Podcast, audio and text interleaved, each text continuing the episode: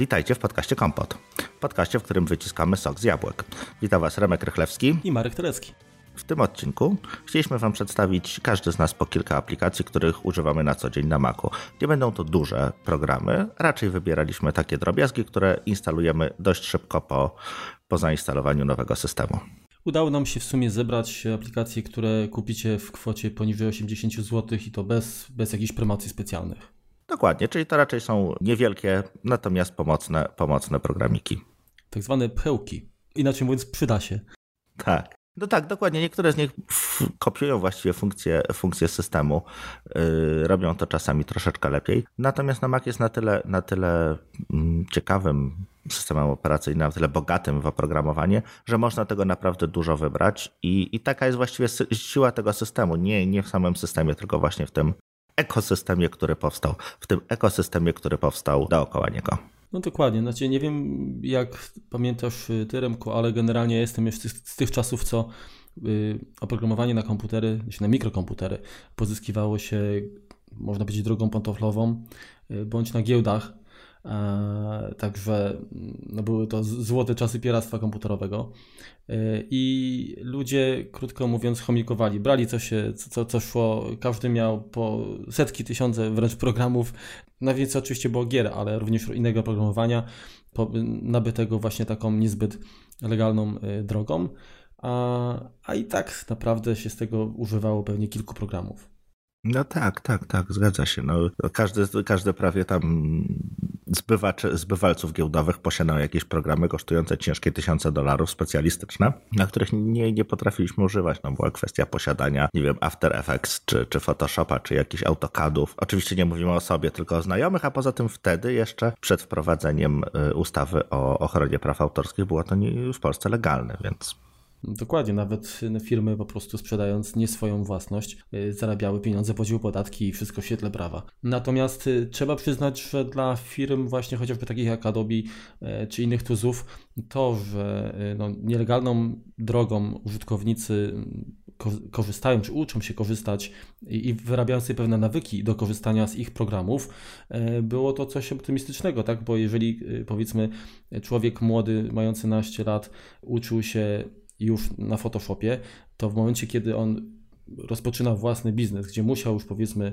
e, by zakupić oprogramowanie, no to najprawdopodobniej wybierałby to narzędzie, które już zna. Tak, no jest to dlatego, dlatego między innymi oprogramowanie Microsoftu, czy Adobe'ego, czy kilku innych producentów w wersjach dla edukacji można kupić za naprawdę ułamek ceny normalnej. No jest to kwestia wychowania sobie przyszłego pokolenia, które, które potem będzie tego, z tego korzystało w pracy. W ogóle to powiedz mi Ramku, czy u Ciebie na dysku jest dużo tych programów, czy, czy niewiele, bo ja przyznam Ci się szczerze, że tak jak kiedyś faktycznie instalowałem wiele aplikacji i, i, i właściwie każda jakaś tam instalacja nowego systemu, jeżeli odczuwałem potrzebę robienia porządków na dysku, tak? czyli wykluczenia tego y, oprogramowania, którego nawet nie pamiętałem przeznaczenia, pozwalało mi odzyskać no, duże, duże pokłady zasobów dyskowych. E, w tej chwili to jest tak, że a, chociażby z racji, y, z tej racji, że system oferuje już wiele narzędzi wbudowanych, to u mnie tych aplikacji Poza tymi, które powiedzmy na potrzeby recenzji do magazynu, e, to takich, które sam korzystam na co dzień, y, no jest, jest garstka, jest garstka. To już nie jest, nie jest taka ilość jak, jak powiedzmy parę lat temu. Wiesz co, ja raczej robię w ten sposób, że ostatnio, czy w tym roku dość często miałem wątpliwą przyjemność przeinstalowywania systemu z racji kłopotów ze, ze stabilnością i tam różnych, różnych wymian, różnych podmiar mojego komputera, więc kilka na pewno kilka razy, jeśli nie kilkanaście, instalowałem system od zera, żeby wykluczyć pewne błędy software'owe i przechodziłem wtedy różne, różne jak gdyby drogi. No, zazwyczaj przy instalacji nowego systemu operacyjnego instaluję go od zera. Natomiast z poprzedniego robię sobie bardzo, bardzo prymitywny jakiś taki trik. Y, wchodzę w folder aplikację, powiększam go, robię z tego screenshota, drukuję sobie ten, ten, ten screenshot i później zaznaczam, które aplikacje mam doinstalować lub nie mam doinstalować lub po prostu stwierdzam, że one nie są mi potrzebne, bo, bo nie uruchamiałem ich od jakiegoś czasu. Natomiast mam tego dosyć sporo. Aktualnie jest to większość to są aplikacje z Mac App Store'a, natomiast inne, inne również się tam pojawiają. A właśnie, zanim, zanim przejdziemy do naszych programów, to jak wspomniałeś już, już, już y, Mac App Store, y, wybierasz z jakiegoś konkretnego powodu akurat y, ten sklep jako źródło? No bo z tego co myślę, że część słuchaczy pewnie też ma jakieś podobne doświadczenia. To zdarza się, że na przykład aplikacje, które są możliwe do zakupu w, w sklepie tutaj nadzorowanym przez Apple, yy, mają pewne ograniczenia, tak? Dlatego, że no muszą, się do, muszą się trzymać konkretnych wytycznych, yy, albo na przykład są uaktualniane rzadziej niż wersje, które są dystrybuowane przez deweloperów poza masem. To znaczy, to jest jeszcze problem jest, problem jest skomplikowany. Niestety nie ma na, tego, na to jednej poprawnej odpowiedzi. Mieliśmy w zeszłym roku taki niemal eksodus aplikacji e, deweloperów, którzy, którzy uciekali z Mac App Store'a. Natomiast no jest problem z sandboxem, tak? No, no nie wszystko tam, nie wszystkie aplikacje tam się mogą pojawić. E, natomiast dla mnie jest to o tyle wygodniejsze, że nie mam problemu z licencjonowaniem, tak? No mogę legalnie na, nie na jednym komputerze, tylko, tylko na bodajże pięciu. No to, jest, to zależy, jak gdyby to jest tam dodatkowa licencja, natomiast można przyjąć jako taką regułę zgrubną, że, że na pięciu maszynach to zainstalować, więc y, z racji posiadania y, kilku maków w domu, no, no nie mam tutaj problemu, także potrzebuję, potrzebuję kilka licencji. To, co ostatnio zacząłem robić, to jeśli się uda, część, część deweloperów coś takiego umożliwia, kupuję wersję jeżeli jest to poza Mac App Storem, kupuję wersje rodzinne i jeżeli jest taka możliwość z dożywotnim upgrade'em. Nie chodzi tutaj o to, że jestem pewien, że będę ich używał do końca świata, natomiast no, to jest jakieś takie bardziej troszeczkę wsparcie deweloperów, y, żeby skoro coś takiego oferują, no to, to okej. Okay. Zgadzam się. Znaczy ja też głównie z racji wygody, tak? Y, jeżeli mam taką możliwość, to też staram się kupować aplikacje w Mac App Store, bo ewentualna właśnie reinstalacja czy uaktualnienia przede wszystkim, no to jest, jest to dużo prostsza sprawa. No i patrz, ty mamy jeszcze, przepraszam, mamy jeszcze trzecią drogę, czyli mamy setup, który... No ale to myślę, że na koniec poruszymy jakby kwestię subskrypcji, co? Tak trochę wspomnimy i, i tak trochę wbijemy może kij w mrowisko. No dobrze, to lecimy. Pozwól, to ja zacznę. Pierwszą aplikacją, którą. Pamiętaj, że prawdziwego mężczyznę poznaje się po tym, jak zaczyna, jak kończy. No, to zobaczymy. Kto skończy. Dobra.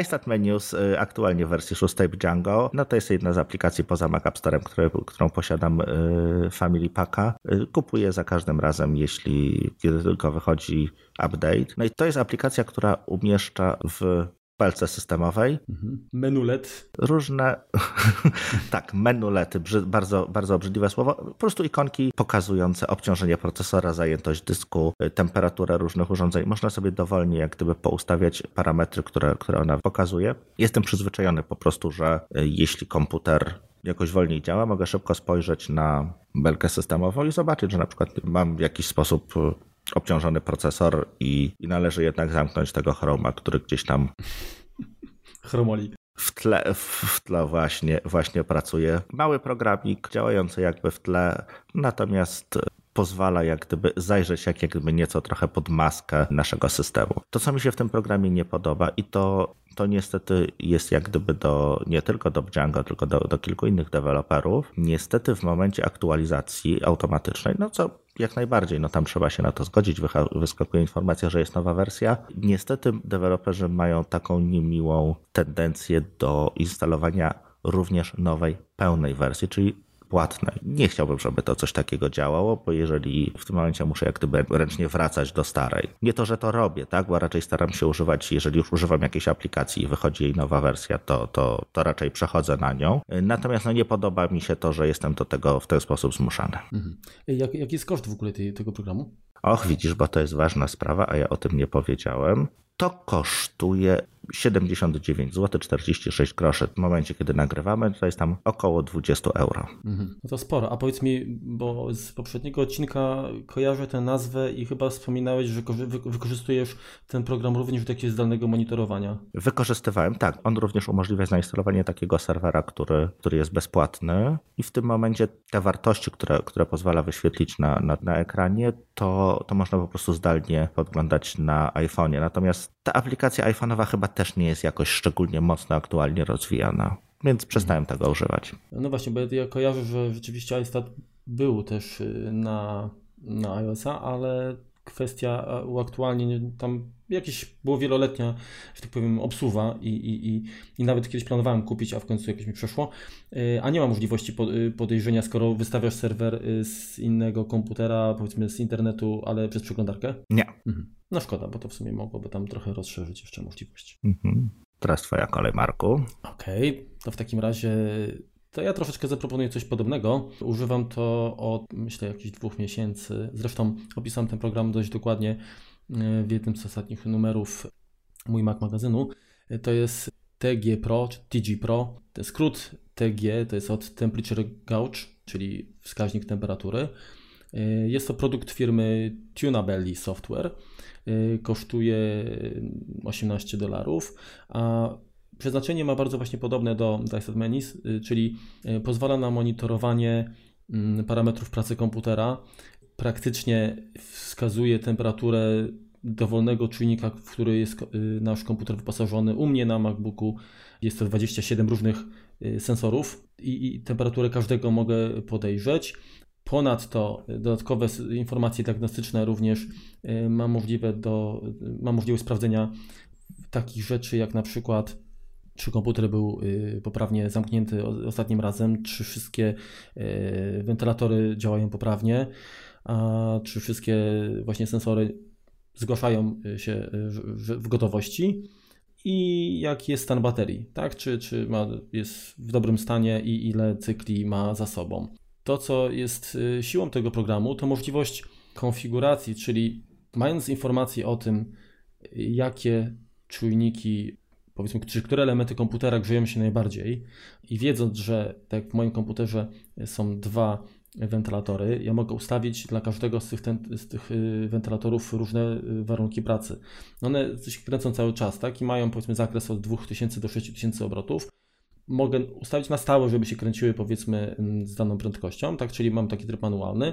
Y, mogę zostawić ustawienia systemowe, czyli OS X y, zarządza y, tym tak samo jak bez programu, natomiast mam dodatkowo podgląd, bądź, co jest tutaj najciekawszym y, asem jakby w rękawie, jest opcja Autoboost, czyli ja mogę stworzyć profile, dzięki którym mogę wymusić powiedzmy zwiększenie obrotów wentylatorów, zanim albo, albo inaczej, w momencie, gdy dany sensor wykaże konkretny poziom temperatury. Jeżeli chodzi o nasze MacBooki, to one mają, znaczy twój to może mniej, ale y, mój ma taką tendencję, że jeżeli a, zaczynam go obciążać, to dopóki nie osiągnie jakiejś temperatury, powiedzmy rzędu 90 stopni, to on jest cichy. A później. To jest podobnie.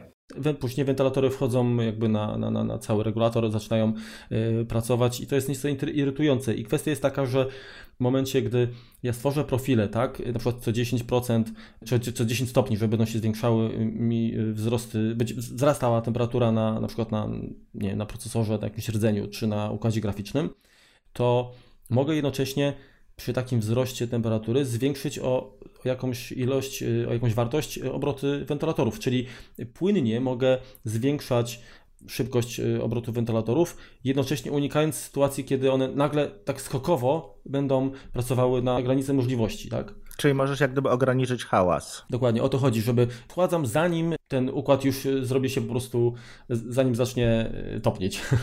No to rzeczywiście bardzo, bardzo wygodne, dobrze. Znaczy, oczywiście jest to, y, wymaga troszeczkę eksperymentów, tak? Bo mm, najpierw musimy obserwować w ogóle, które sensory się nagrzewają, czy jest to, nie wiem, układ y, karty mm, bezprzewodowej, y, czy właśnie, nie wiem, grafika, tak? Natomiast działa, działa to fajnie. Działa to fajnie. Aha, zapomniałem dodać, jeszcze jest taka sprawa, że jeżeli na przykład zostawiłbyś komputer, który by pracował e, dłuższy czas, na przykład, nie wiem, obrabiasz mhm. wideo w Final Cutie czy coś takiego, to możesz ustawić odpowiednie kryteria, które powodują, że program wyśle wiadomość na, na maila. Czyli jak jesteś gdzieś tam w terenie, tak, i przychodzi wiadomość, tutaj procesor 100 stopni osiągnął, taka temperatura, kiedy i tak dalej i możesz a możesz też ustawić, kiedy powiedzmy, nie wiem, zapuszczam jakiś duży właśnie jakiś rendering, coś, coś go bardzo, bardzo obciąża. Ustawiam te, te wentylatory, żeby, żeby tam gwizdały na maksa. Chciałbym wiedzieć, kiedy on skończy, czyli kiedy obciążenie procesora spadnie, czyli jakby odwrotną. Zaraz ci powiem, notifications. Y, mogę ustawić kiedy temperatura jest powyżej. Hmm. No i wiesz o co wiem, mi chodzi. Wiem, chodzi wiem, mi do, o, o, dokładnie znaczy, tak. Generalnie nie, generalnie jest tak, że no, raczej e, sytuacja, kiedy mm, obciążenie spada i, te, i, i, układy stają się chłodniejsze, no to jest, mhm. to nie jest problem. Problem jest jakby w drugi, także akurat nie, nie, nie widzę tutaj. Niestety tylko te krytyczne takie, które mogłyby doprowadzić do uszkodzenia. Jasne. Mm. No tak, no bo to jest ewentualnie y, ostrzeżenie przed mhm, awarią, a, nie, a nie informacja o tym, że coś Natomiast się zakończyło. Natomiast jest jeszcze fajna sprawa, że można, dajmy na to, masz iMac'a, wymieniłeś dysk. Ten dysk mhm. normalnie y, talerzowy posiadał swój sensor. Tak. Y, I teraz instalujesz tam jakiegoś SSD-ka i się okazuje, że ten sensor zgłupiał i wentylator cały czas chodzi jako szalały. No tak to w, y, za pomocą właśnie tego programu można wskazać, że na przykład ten sensor, ok, on ma być ignorowany, czy po prostu nie będzie. System brał pod uwagę jego, jego wartości, jasne. I komputer automatycznie będzie cichutki, bo nie potrzebuje schładzać akurat tego elementu. No dobrze. Kolejną aplikacją, o której chciałem wspomnieć, jest PopClip firmy Pilot Moon Software. Kosztuje on 47 zł 99 groszy, jest dostępny przez Mac App Store. Aha, jeszcze tak wtrącimy. Oczywiście wszystkie linki będą w opisie, w opisie odcinka, więc nie musicie, nie musicie tutaj zapamiętywać. Tym razem opis odcinka będzie porządny, na to zwracaliście nam uwagę. Ale wracając do PopClipa. Jest to taki, tak naprawdę dodaje funkcję, którą znamy z iOS-a, czyli do kopiuj wklej, czy, czy, czy do operacji takich zaznaczenia jakiegoś tekstu, pojawia nam się ten taki balonik na górze z niebieskimi, niebies na niebiesko możemy sobie, sobie wybrać. Jest to o tyle wygodne, że można go konfigurować i, i nie, są ty, nie są tam dostępne tylko i wyłącznie te rzeczy, które znamy kopiuj wklej do których właściwie każdy, każdy powinien używać skrótów klawiszowych, no bo jest to szybciej i, i, tak naprawdę wygodniej. Natomiast y, są rozszerzenia, których jest tam grubo ponad 100 i możemy dodawać, dodawać funkcje takie które nam automatycznie coś z tym tekstem robią, tak? Czyli, czyli na przykład konwertują nam z HTML-a na Markdown albo odwrotnie. Wyszukać możemy zaznaczony tekst y, w Google, y, możemy dodać go do Instant Paper, Trello, Ulyssesa, To-Do, no cała masa, masa różnych, różnych jak gdyby rozszerzeń, plus możemy tworzyć własne. Jest, dosyć, jest to dosyć proste. Zmienić wielkość liter, czyli tam zamienić z małych na duże, różne różne takie, takie funkcje właśnie z tym tekstem zaznaczonym, przekonwertować go jakoś, przesortować, odwrócić kolejność. Dużo, dużo rozszerzeń przyjemne, jeśli chodzi o, o konfigurację, o, o używanie. No i wygląda tak troszeczkę jak iOS-owo. Mhm. Wiesz ja, ja, też go mam, ale powiem Ci, że mm, na początku używałem jakieś y, wtyczki, do niego zainstalowałem, później chyba przy, przy którejś instalacji czy aktualizacji mm, systemu odpuściłem, natomiast z tego co pamiętam, to on troszeczkę swoim zachowaniem, bo oczywiście nie możliwościami, ale mhm. zachowaniem przypomina sytuację z Worda, gdy zaznaczysz fragment tekstu i się pojawia taki, taki balonik. Balonik, tak, gdzie masz możliwość właśnie tam zmiany, mhm. Y, czcionki, pogrubienie i tak dalej, bez sięgania do, do, do, do wstęgi u góry. Tak. No dobrze. A powiedz mi, a jak, jakie jest Twoje ulubione rozszerzenie do tego programu? Moje ulubione rozszerzenie. No bo generalnie pytam dlatego, że część opcji i tak i tak obsługujesz prawdopodobnie skrótami klawiaturowymi. Pod niego mam zrobione wkleja, dlatego... Y, wklejanie jako tekstu, czyli wyrzucenie formatowania i też często używam zmiany wielkości znaków, czyli na przykład takie pisanie jak, jak tytułu, czyli każde słowo zapisywane z wielkiej litery. Mhm. Okej, okay, czyli co teraz ja? No, na to wychodzi. Ping-pong. Dobrze, to ja w takim razie troszeczkę z innej, y, z innej beczki. aplikacja Air Server. Jest to aplikacja y, firmowana przez y, studio AppDynamic i z tego co kojarzę, to założyciel i pomysłodawca w ogóle aplikacji jest chyba byłym pracownikiem w ogóle Apple, dlatego że no te, te sytuacje podobne jak, jak nie wiem, jeżeli kojarzysz, taka jest y, apka Duet. Tak, oczywiście. Która pozwala na rozszerzyć desktop. Tutaj, to, tutaj podobnie y, to wyglądało, że ktoś tam chyba nie wytrzymał presji, a mając taki know-how, no, otworzył własne studio i zaoferował aplikację, która no, chyba moim zdaniem jest jedna z najlepszych w swoim rodzaju. E, a służy do odbioru strumienia e, AirPlay. Czyli jeżeli nie mamy Apple TV czy AirPlay Express, a chcielibyśmy z innych urządzeń, z innego Maca czy z e, iPhone'a, iPada wysłać obraz, mhm. dźwięk bądź obraz na, na, na, komputer, no to w tym momencie z, z, z naszego komputera możemy taki odbiornik zrobić. Działa to naprawdę fajnie. Jeżeli wejdziemy w ustawienia tego oprogramowania. To tak, w przypadku, w przypadku dźwięku y, mamy możliwość ustawienia odbiornika jakości bezstratnej, czyli generalnie audio, które jest odbierane y, z, z no, urządzenia z nadajnika, jest transmitowane bez, bez żadnej y, kompresji stratnej i odtwarzane na, na komputerze. Także no, troszeczkę jakby tutaj ta jakość, ja nie, nie porównywałem szczerze mówiąc, mhm. Ale y, pojawia się, jeżeli wybierzemy mm, menu AirPlay na iPhone na przykład i mamy zainstalowany Air Server na, na, na komputerze, załączoną opcję odbiornik jakości bezstratnej, to mamy poza odbiornikiem zwykłym, gdzie jest powiedzmy możliwość y, odbioru obrazu i dźwięku. Y, jest właśnie y, drugi odbiornik, który ma rozszerzenie EX. Czyli mamy nazwę, tak, na przykład MacBook mhm. i MacBook EX i to jest ten odbiornik, który pozwala na, na odtwarzanie tylko i wyłącznie dźwięku. Myślę, że chodzi tutaj przede wszystkim o jakieś opóźnienia i, i właśnie ewentualną kompresję. Natomiast w przypadku odbioru obrazu yy, możemy ustawić również takie opcje jak, zaraz tutaj wejdziemy, ok, jeżeli wejdziemy w, w ustawienia właśnie AirPlay, to mamy preferowaną rozdzielczość mirroringu i no domyślnie jest to Retina High Quality, ale oczywiście możemy w zależności od wypustowości naszej sieci domowej yy, ograniczyć to na przykład do, do Full HD 1080p, 72p, a, czy pod konkretny, pod konkretny nadajnik iPad Retina, iPhone 6, 6s Plus, iPhone, nawet iPhone 4S, bądź y, takie nawet y, ustawienia rozdzielczości jak projektor 1600 na 1200. E, w każdym razie no, jest możliwość ściągnięcia wersji takiej testowej i zweryfikowania jak, jak, jak to działa. Natomiast y, ja testowałem wiele rozwiązań, bo generalnie uwielbiam funkcję AirPlay, tę technologię i praktycznie to, co było w moim zasięgu, to staram się testować odbiorników takich y, programowych,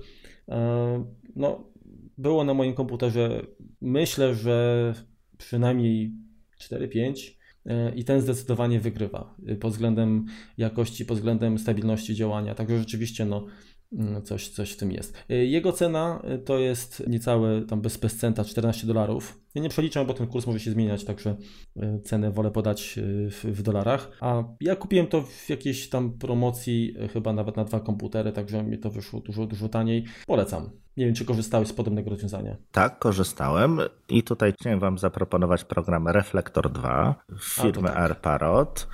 Jest on od dolara droższy, czyli kosztuje tam 14,99. Są różnice pomiędzy nim, więc ma możliwość dodawania ramek, czyli można sobie dodać ramkę, która wizualizuje nasze urządzenie. To się przydaje przy jakichś tam prezentacjach, y, które mi się czasem tam zdarza robić, czy, czy nagrywaniem screencastów, po prostu widać w tym momencie, no, że nie jest to po prostu, nie jest to gołe okienko, tylko dookoła jest jakiś iPhone czy iPad. Posiada również wsparcie dla Chromecasta, którego jakby nie, nie testowałem, natomiast coś takiego tam istnieje. Generalnie programy dość podobne. Może ten czym się różni, on jest troszeczkę ładniejszy, tak? Y, chyba umożliwia jeszcze, za, znaczy tak, umożliwia nagrywanie tej sesji zdalnej. R-Server bodajże nie, o ile dobrze pamiętam. Mm, wiesz co?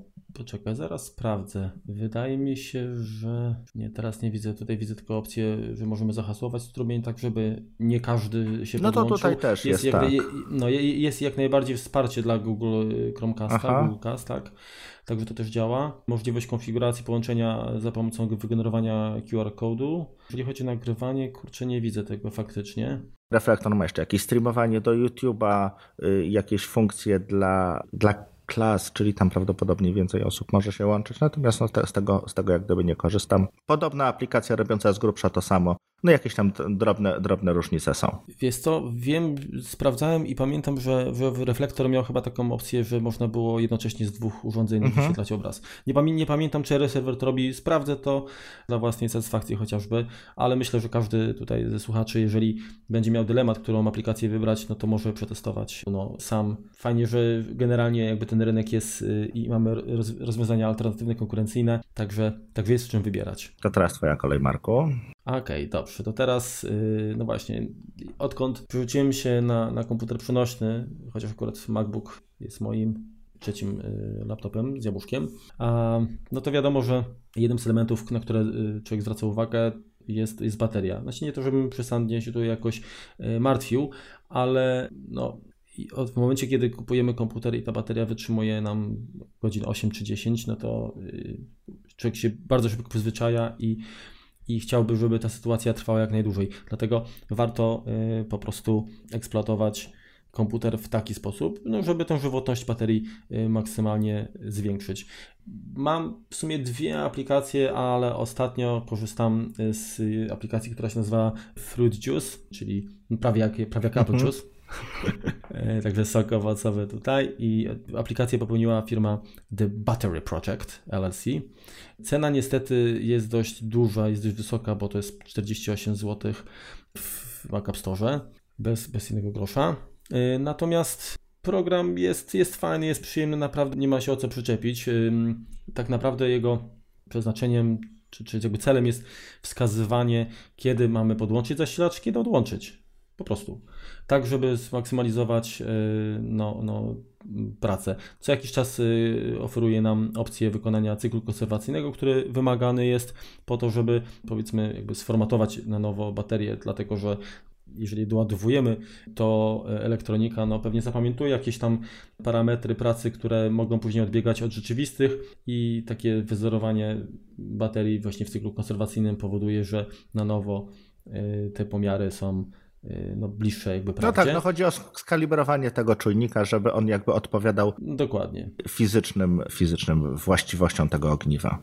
Dokładnie. Oczywiście podaje takie informacje, jak to, ile, ile w pojemności z baterii oryginalnej jeszcze posiadamy, ile cykli ładowania zostało wykonanych, historia zasilania, jak często, jak, jak długo pracujemy na baterii e, właśnie w takich, w takich przedziałach czasu, jaki aktualny jest czas pracy na baterii danego dnia.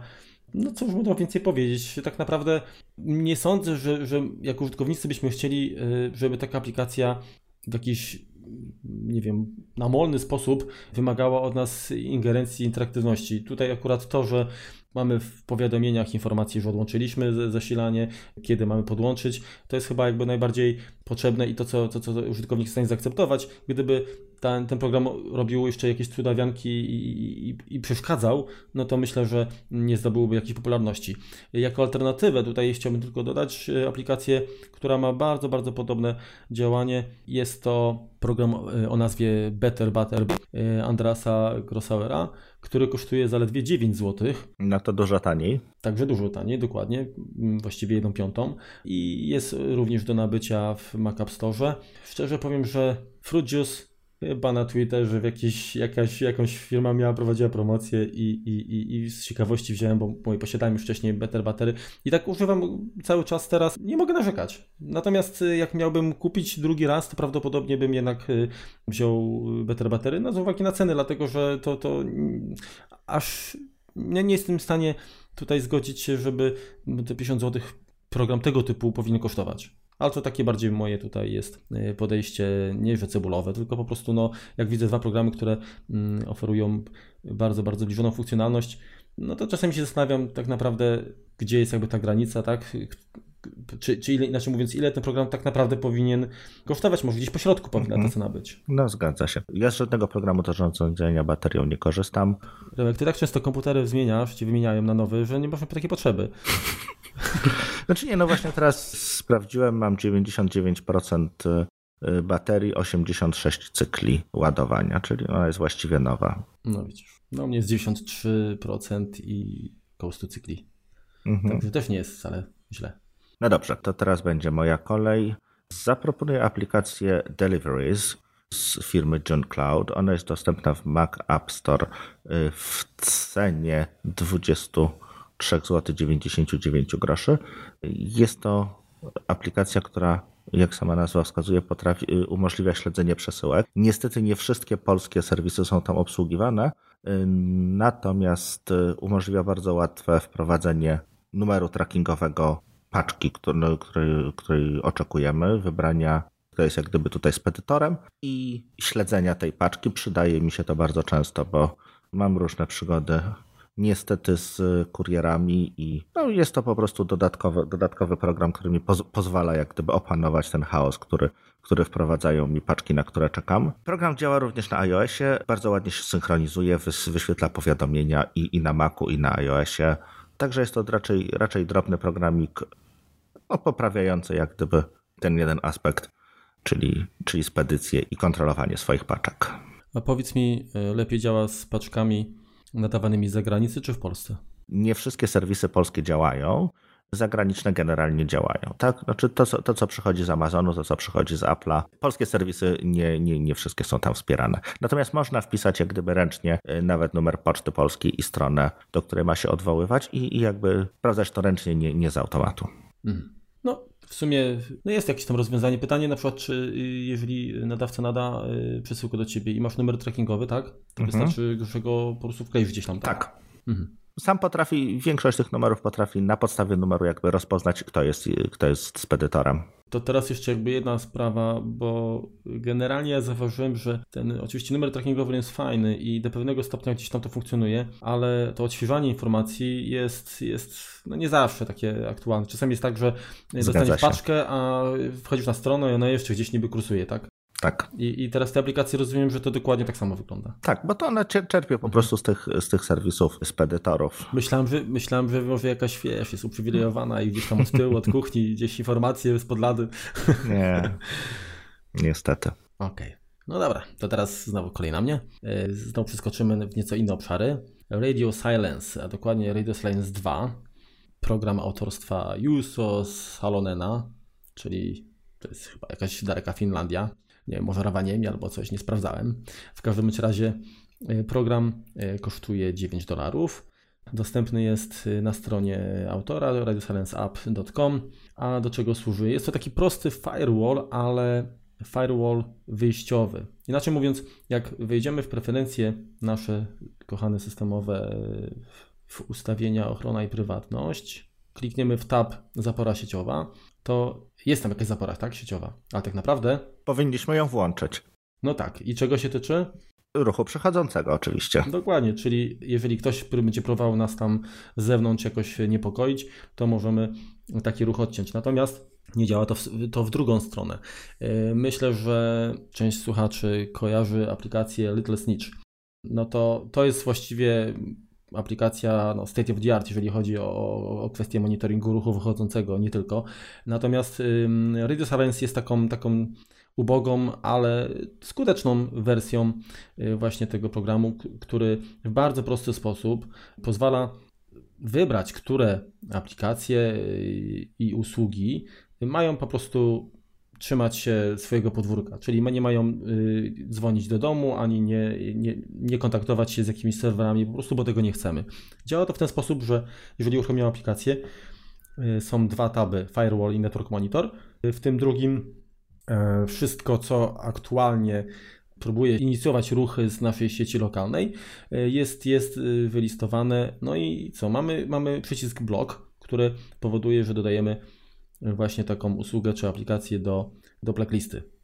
Aplikacja być usługa, która trafi właśnie na, na, na, fire, na firewall jako, jako zablokowana, no, więcej nie będzie mm, tutaj się kontaktowała, a przynajmniej nie bez naszej wiedzy, yy, z, z jakimiś serwerami. Oczywiście no tutaj to wymaga też troszeczkę eksperymentów, tak? Czyli jeżeli no, jak, najprościej, jak najprościej sprawdzić, czy aplikacja będzie działać wyłączmy w ogóle ustawienia sieci, tak? Czy, czy odłączmy mhm. kabel, wyłączmy Wi-Fi, uruchommy program, jeżeli on działa bez problemu, no to tak naprawdę możemy go odłączyć tak od sieci. No oczywiście problem wystąpi wtedy, kiedy zechcemy y, na przykład sprawdzić, czy są jakieś uaktualnienia do programu, bo on nie będzie miał y, takiej możliwości. Także no, trzeba z, z jakąś rozwagą tutaj oczywiście podchodzić do tego, natomiast myślę, że jeżeli zależy nam na jakimś bezpieczeństwie, a nawet chociażby po to, żebyśmy, żeby sprawdzić, co się dzieje, tak? Co się dzieje na naszym komputerze gdzieś tam za kulisami. Bez naszej wiedzy. Bez naszej wiedzy, tak, to, to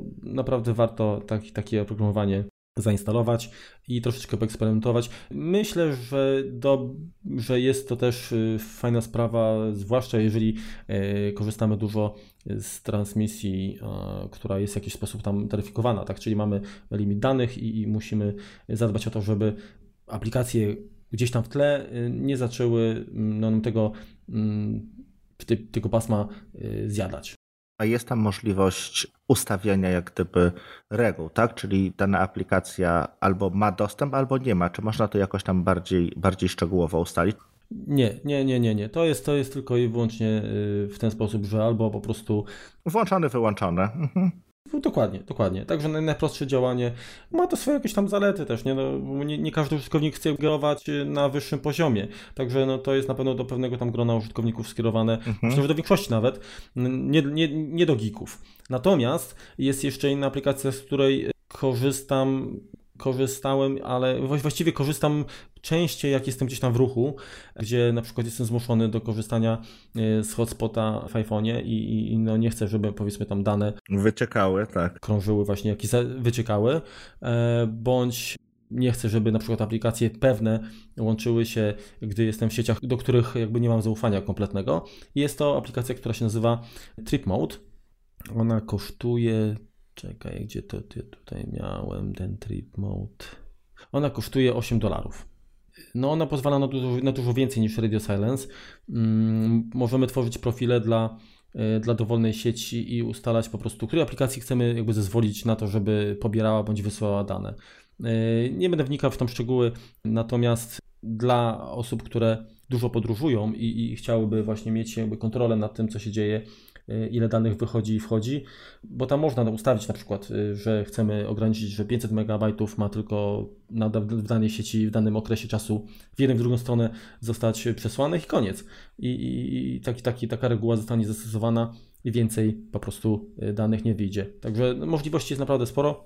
Też polecam jako, jako alternatywę. Dobrze, to jak już jesteśmy w temacie bezpieczeństwa i blokowania, to chciałem polecić program OneBlocker jest to aplikacja również dostępna w Mac App Store. E, autorstwa, tu będzie trudno, Salvat Kanow, chyba pan się nazywa. Jest to content blocker do Safari. Posiada również wersję, swój odpowiednik na iOS-a.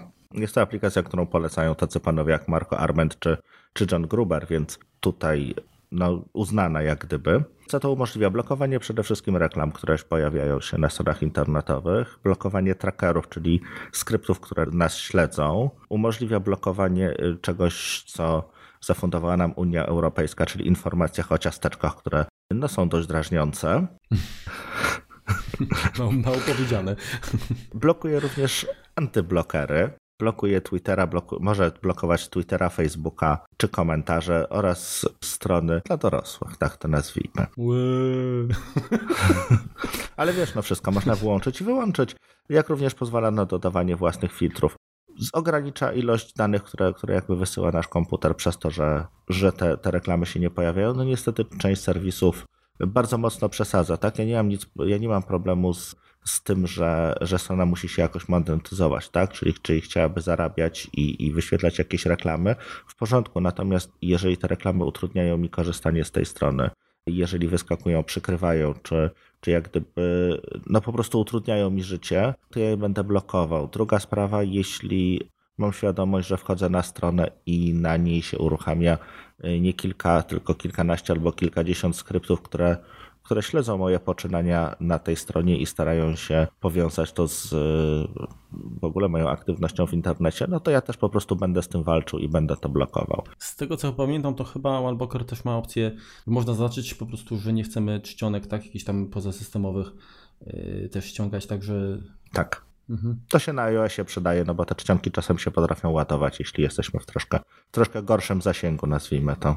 A powiedz mi, czy porównywałeś y, skuteczność na przykład OneBlockera, jeżeli chodzi właśnie o, o tracking tym, co oferuje nowe Safari? Nie, tego jeszcze nie. Znaczy, mam go zainstalowanego i, no i mam to po prostu włączoną, tą, tą regułę, natomiast y, nie sprawdzałem. Nie, no bo to właśnie, to myślę, że jest jakiś, jakiś temat. Nie można y, do tego wrócić, bo sam jestem ciekaw właśnie na ile mm, te mechanizmy wbudowane w wersję Safari Mhm. No jak, jak, jak one są konkurencyjne, tak, jeżeli chodzi o, o, o efektywność. To jeszcze coś tam o OneBlockerze? Nie, lecimy dalej. Lecimy dalej, dobra. Ok, to w takim razie ja teraz stawiam na Turbo Boost Switcher Pro. Program. Ale nazwa, wow. No tak, program Pro i nazwa jest Pro. E, autor e, Ruben Garcia Perez. Koszt to jest niecałe 10 mm, dolarów. I do czego służy ten program? Program służy do wyłączania funkcji Turbo Boost w komputerach wyposażonych w procesory Intela, które taką funkcję wspierają. Czyli jak nasze MacBooki tak mają powiedzmy taktowanie e, standardowe, dajmy na to 2,7 GHz, to w trybie Turbo Boost y, mogą nawet tam, nie wiem, 3,5 GHz y, osiągnąć, tak? Czyli chwilowo jesteśmy w stanie przy dużym obciążeniu, gdzie jest nam potrzebna moc obliczeniowa, zwiększyć taktowanie procesora, no i tyle. Ale to jest kosztem czegoś, tak? Bo mamy zwiększenie taktowania procesora, natomiast jest w tym momencie dodatkowe to w zależności od tego, ile, ile procesor ma jąder, jeżeli to jest procesor tak zwany czterojajkowy, no to y, posiada dwa tryby Turbo Boosta. W pierwszym pracują dwa rdzenie i to jest na przykład, y, no, mm, mówię teraz jak gdyby z głowy, no jeżeli procesor ma te 2,7, no to 3 GHz osiągnie przy, przy włączonych dwóch rdzeniach, a te 3,3 to będzie wtedy tylko jeden, jeden rdzeń. Okej, okay, ale generalnie yy, o co chodzi? Tak naprawdę, jeżeli pracujemy na komputerze stacjonarnym, no to nam zależy na tym, żeby po prostu on był jak najszybszy, no przynajmniej w operacjach, które y, chcemy zakończyć jak najwcześniej. Natomiast w przypadku komputerów przenośnych, tak, jeżeli gdzieś tam jedziemy w teren, to co jest ważniejsze? Czas pracy na, na baterii. baterii. Tak. Dokładnie. No i tutaj możemy za pomocą właśnie TurboBoost Switcher Pro spowodować, że zyskamy jakieś 20, 20, nawet 5%. Takie testy robił właśnie chyba Mark Arment. Możemy dłużej pracować na, na, na, na komputerze. A ty też jakoś sprawdzałeś to w sensie, że to bardzo trudno zmierzyć, tak? No bo to. Wiesz to sprawdzałem na początku, ale powiem Ci szczerze, że ja lubię po prostu programy, które, które działają i, i nie zawsze jakby aż jestem taki dociekliwy, żeby sprawdzać, czy uzyskałem, nie wiem, pół godziny, dlatego że mój styl pracy jest dość zróżnicowany. Mhm. Chciałbym faktycznie, żeby rzetelny test osiągnąć, musiałbym e, zrobić dokładnie to samo, czyli na przykład, nie wiem, uruchomić komputer, zapuścić oglądanie filmu najlepiej 4K, które tam jakieś e, e, no, obciąża. Dociśnie, tak. dociśnie, zobaczyć kiedy się soki skończą i zrobić to samo na wyłączonym turbobuście, tak? I, i zobaczyć po prostu, czy nie wiem, pół godziny czy godzinę dłużej jeszcze tego filmu mogłem oglądać. Nie robiłem tego, może kiedyś zrobię, może w wakacje. Na razie bardziej mi chodzi o to, że jeżeli jestem gdzieś tam w terenie i wiem, że ten turbus jest, jest wyłączony, a no, nie oszukujmy się, większość pracy gdzieś tam w terenie y, to, jest, to są prace lekkie, tak? Jakieś surfowanie, napisanie czegoś, wysłanie, to tak. ten procesor nie musi być kręcony y, wysoko. To bardziej y, dla mnie większą zaletą jest to, że nawet na, jak już gdzieś tam wracam do domu, to jeszcze mam ten zapas powiedzmy, a nie, nie jestem już tutaj na, na minusie, czy wręcz właśnie z komputerem wyłączonym, bo już nic nie mogłem zrobić. Także taki, taki zapas powiedzmy jako, jako spokój ducha jest dla mnie cenniejszy. Widzisz, no to ja tutaj akurat podobnie, podobnie jak z baterią, jak, jak z zarządzaniem pamięcią, jak z zarządzaniem właśnie procesorami, to to zostawiam systemowi operacyjnemu. Wydaje mi się, że, znaczy bez, bez jak gdyby urazy, natomiast wydaje mi się, że, że panowie z Apple, panowie z Intela znają się na rzeczy i system operacyjny robi to wystarczająco dobrze. Oczywiście ja myślę, że, że, że tak, no bo po to, wiesz, te czynniki są i, Myślę, że e, profile, które Apple e, daje, są jakoś tam przemyślane. Natomiast no one są, to jest taka urawniłowka, tak? Także nie, nie powiedziałbym, że akurat system dla każdego modelu, dla każdego egzemplarza wręcz, które no jednak jakieś parametry mogą się nieco tam różnić, mhm. E, zapewni optymalne warunki pracy. Także myślę, że akurat tutaj nie zaszkodzi spróbować przynajmniej z takim rozwiązaniem alternatywnym. Zresztą Program jest dość popularny. Myślę, że myślę, że jednak ludzie doceniają chociażby właśnie to, że mogą popracować dłużej, bo tak jak mówię, no kupujesz y, z jednej strony komputer, chcesz, żeby on był szybki, z drugiej strony wiesz, że no akurat na daną chwilę y, to, co robisz, mogło być wykonane na komputerze pięciokrotnie wolniejszym, a system no jednak i tak będzie mm, go tam kręcił powiedzmy na, na, na jakiś No jasne, jasne, rozumiem. Y, w każdym razie y, to, co jest fajne, to to, że też można tworzyć profile, czy pewne jakby style zachowania, także Turbo Boost, mm, poza tym, że oczywiście też wyświetla podstawowe informacje, y, jak obciążenie procesora, prędkość właśnie wentylatorów, czy temperatura jakiegoś głównego tam elementu, ma opcję Um, zaraz tutaj wejdę w konfigurację, żeby nie, nie skłamać. Yy, możemy ustalić oczywiście zachowanie w zależności od tego, czy bateria się ładuje, czy, yy, czy osiągnie jakiś, jakiś pułap, czyli na przykład yy, jeżeli pracujemy na baterii, to on cały czas może yy, turbobus być włączony, ale może się y, wyłączyć, jeżeli bateria spadnie poniżej 50 czy tam, nie wiem, 30%. Czyli możemy, to, to działa to w, powiedzmy, możemy osiągnąć zbliżone działanie jak tryb y, ten oszczędny w iPhone'ie. Mhm tak, po 20 tam procentach, że, że ci sugeruje nawet, że możesz włączyć i tak dalej. A można też ustawić tak, że na przykład komputer cały czas będzie chodził z wyłączonym turboboostem, ale załączymy, załącza się go automatycznie dla określonej aplikacji. Czyli odpalasz Photoshopa i chcesz, kurczę, żeby jednak to tam nie przecinało, wszystko zasuwało jak należy, mhm. bach, turboboost y, jest, jest, jest włączony. Także nie pogniewałbym się, gdyby takie coś było w systemie, taka opcja. Jasne. No ale to chyba jest zbyt, e, zbyt, mas, zbyt nisko, zbyt bardzo grzebanie pod maską, żeby, żeby Apple na coś takiego dopuściło. No, może masz rację, może byłoby to ciekawe. Mm, dobrze, e, to teraz e, jako kolejną, kolejną aplikację zaproponuję Wam Gemini 2 od MacPow, które kosztuje 19,95 dolara. Jest to program, który umożliwia wyszukiwanie duplikatów plików, czyli jeżeli mamy dwa razy ten sam plik, to jest, to jest w stanie go znaleźć. Jest to, jest to teoretycznie funkcja, którą High Sierra wnosi z nowym file systemem, więc już jakby nie chodzi tutaj o e, zmniejszenie zajętości, zajętości dysku. Natomiast bardzo się to przydaje w momencie jakichś przegrywania backupów, przegrywania zdjęć, kiedy mamy no, dane, które nie są do końca rozłączne, tak? czyli część rzeczy nam się powiela, to możemy po prostu to łatwo scalić i, i, i nie tworzyć duplikatów. Oprócz y, duplikatów takich jeden do jeden jest program w stanie wyszukać zdjęć, które są podobne, tak? Czyli na przykład seryjnie robiliśmy zdjęcia i zdjęć, które są takie same, mamy tam dajmy na to 20 czy, czy 150, co się, co się może czasem zdarzyć yy, przez, przez nieuwagę, po prostu też to można, można znaleźć i usunąć. Też raczej drobny program wykonujący jedną konkretną funkcję, natomiast i ładnie wygląda i przyjemnie działa przydaje się jak gdyby na co dzień. Te też, też mam, kiedyś faktycznie uruchamiałem, żeby trochę oczyścić dysk. Jak rozumiem, to w przypadku APFS-a, no to w tym momencie jakby kopie nie zajmują nam większej ilości miejsca, ale mamy jakieś tam powiedzmy um, semlinki czy jakieś no, skróty tak, do, do innych kopii, a za pomocą tego programu możemy wyczyścić tak, żeby zostały same oryginały, tak? Jest to teoretycznie tak, powiem szczerze, nie wiem w jaki sposób jest to, jest to zrobione, jeśli chodzi o e, APFS-a, e, ponieważ jeśli duplikujemy sami plik, tak, czyli mamy, nie wiem, dokument e, Pages i tworzymy jego ręcznie kopię, czyli przenosimy go na, na przykład na biurko i, i tworzymy go, no to w tym momencie jest to, jest to symlink. Natomiast jeśli przegrywamy, niech to, będzie, niech to będą zdjęcia z karty pamięci czy, czy z telefonu, to nie wiem, jak działa y, APFS, czy on w momencie zapisu sprawdza, czy plik już istnieje. Czyli w tym momencie musiałby oprócz tego trzymać sumy kontrolne bloków i weryfikować je, czyli zrobić taką deduplikację, tak jak ma, tak jak ma to zrobione Dropbox czy, czy inne systemy takie y, chmurowe, takie dyski chmurowe. Y, nie wiem jak to wygląda, ale potencjalnie system, no na pewno jeżeli go przekonwertowaliście z starego formatu plików na nowy, no to on jakby tak magicznie, no to sam sobie tych duplikatów nie znajdzie, no bo nie wie z jakiej racji. Okej. Okay. Dobrze, to teraz ja mam perełkę, perełkę, perełkie, yy, aplikacja Yoink. Ojoj. Autor, ojoj. autor Matthias Gansriegler. Program kosztuje 33 zł w Mac App Store.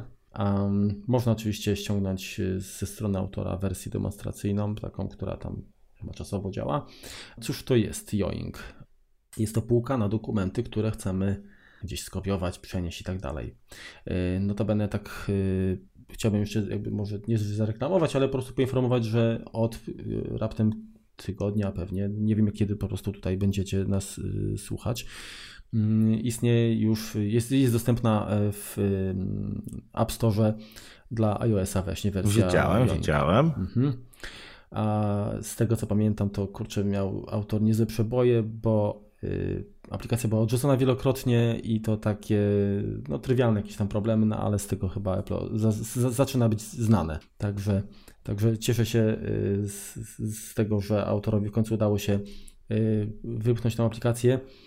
Y, natomiast wersja dla macOSa y, funkcjonuje na rynku już ładnych parę lat, nie pamiętam teraz, jego recenzowałem jeszcze jak pisałem na Apple Source, czyli to było kurczę z dobre 4 lata temu. W każdym razie, y, co ten program robi? Po uruchomieniu mamy oczywiście ikonkę menu LED w, w belce Findera.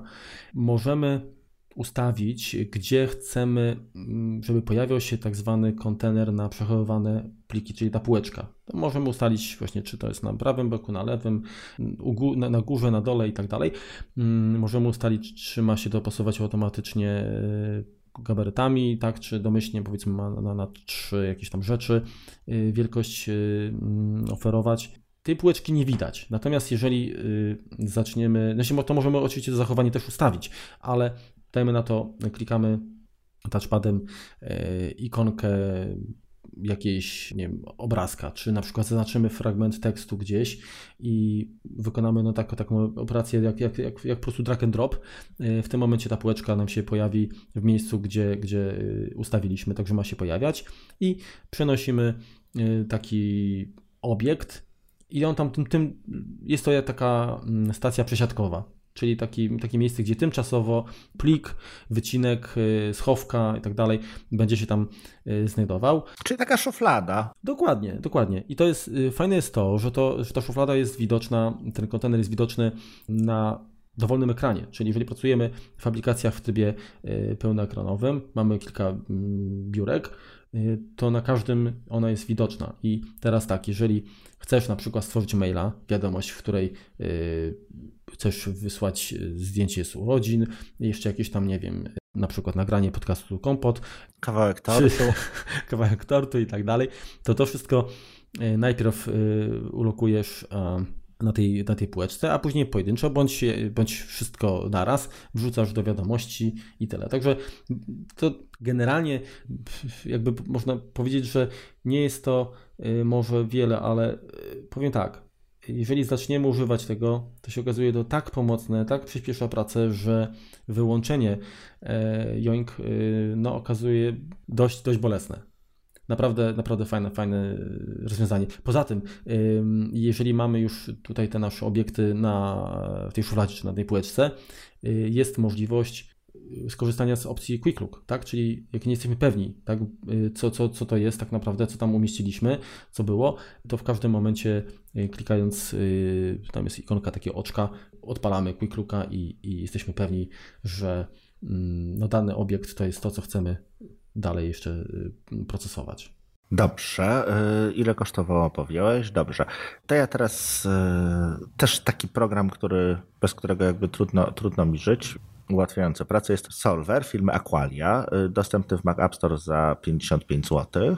Jest to coś pomiędzy kalkulatorem a arkuszem kalkulacyjnym. Program umożliwia liczenie, tak? Wpisujemy sobie, jest jakby od, od nowa wymyślony kalkulator, tak? Czyli nie jesteśmy ograniczeni do takiego interfejsu klasycznego kalkulatora, gdzie mamy jakieś guziczki i równania, tylko po prostu wpisujemy formułę. Program sam dokonuje różnych przeliczeń, czy to są kwestie walutowe, można napisać, nie wiem, 50 euro in PLN, wtedy, wtedy wyświetli jakby przelicznik, e, przeliczy to po aktualnych kursach średnich waluty. Możemy przeliczyć, jeśli mamy, nie wiem, łącze 10 gigabitów na sekundę i chcemy ściągnąć e, plik, który ma 5, 5 gigabajtów, ile to potrwa, ładnie przelicza jednostki, ładnie przelicza właśnie tego typu rzeczy można na nim pisać y, właściwie, właściwie zdania, tak? Czyli jeśli nocleg 100 zł plus dojazd 120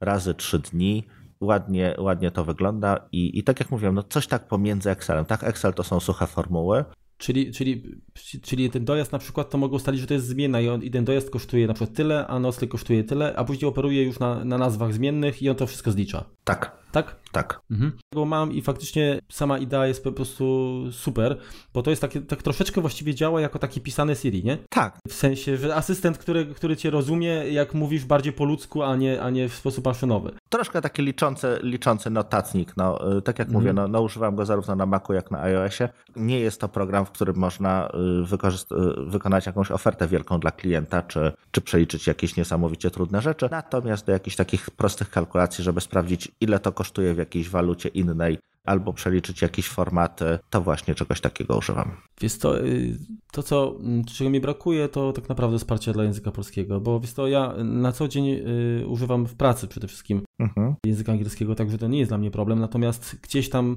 czuję się obywatelem troszeczkę drugiej kategorii, przez to, że no nie mogę mówić w swoim no, natywnym narzędziu. No tak, niestety. Myślę, myślę, że ta aplikacja, gdyby wspierała różne języki, nie tylko angielski, mhm. na pewno jej, popularność byłaby dużo większa i to zasłużenie, bo ona to, co robi, robi dobrze, natomiast e, kwestia jakby komunikacji tutaj troszeczkę no jest, jest ogranicza myślę. Mm, no tak, no trzeba się po prostu przestawić. Z racji tego, że system mam również po angielsku, aż tak mnie to nie razi. Również dużo, dużo rzeczy, których piszę też y, ku rozpaczy ludzi, z którymi się kontaktuję, również piszę po angielsku, więc troszkę się już do tego przyzwyczaiłem, no ale masz rację, no jakby był po polsku, było, byłoby, to, byłoby to na pewno przyjemne. Okej, okay, dobrze. To widzisz, to, to y, ty masz Solvera, a ja chciałem zaproponować y, też kalkulator właściwie, Magic Number. Y, autorstwa y, Seed Limited. Program kosztuje 38 mm, zł, no, czyli tam 10 dolarów. Y, dostępny jest w Mac App Store. Może nie pozwala pisać całych zdań, tak jak, jak, jak na, na co pozwala Solver, natomiast generalnie pozwala na, na, na, na podobne operacje, czyli e, zaraz go sobie na to uruchomię, żeby nie być gołosłownym. Magic number 2, ok. Czyli tak, to na co warto zwrócić uwagę, to to, że no, zawiera oczywiście to wszystko, co, co kalkulator taki naukowy, czyli e, funkcje trygonometryczne, jakieś stopnie, funkcje wykładnicze, silnie i tak dalej.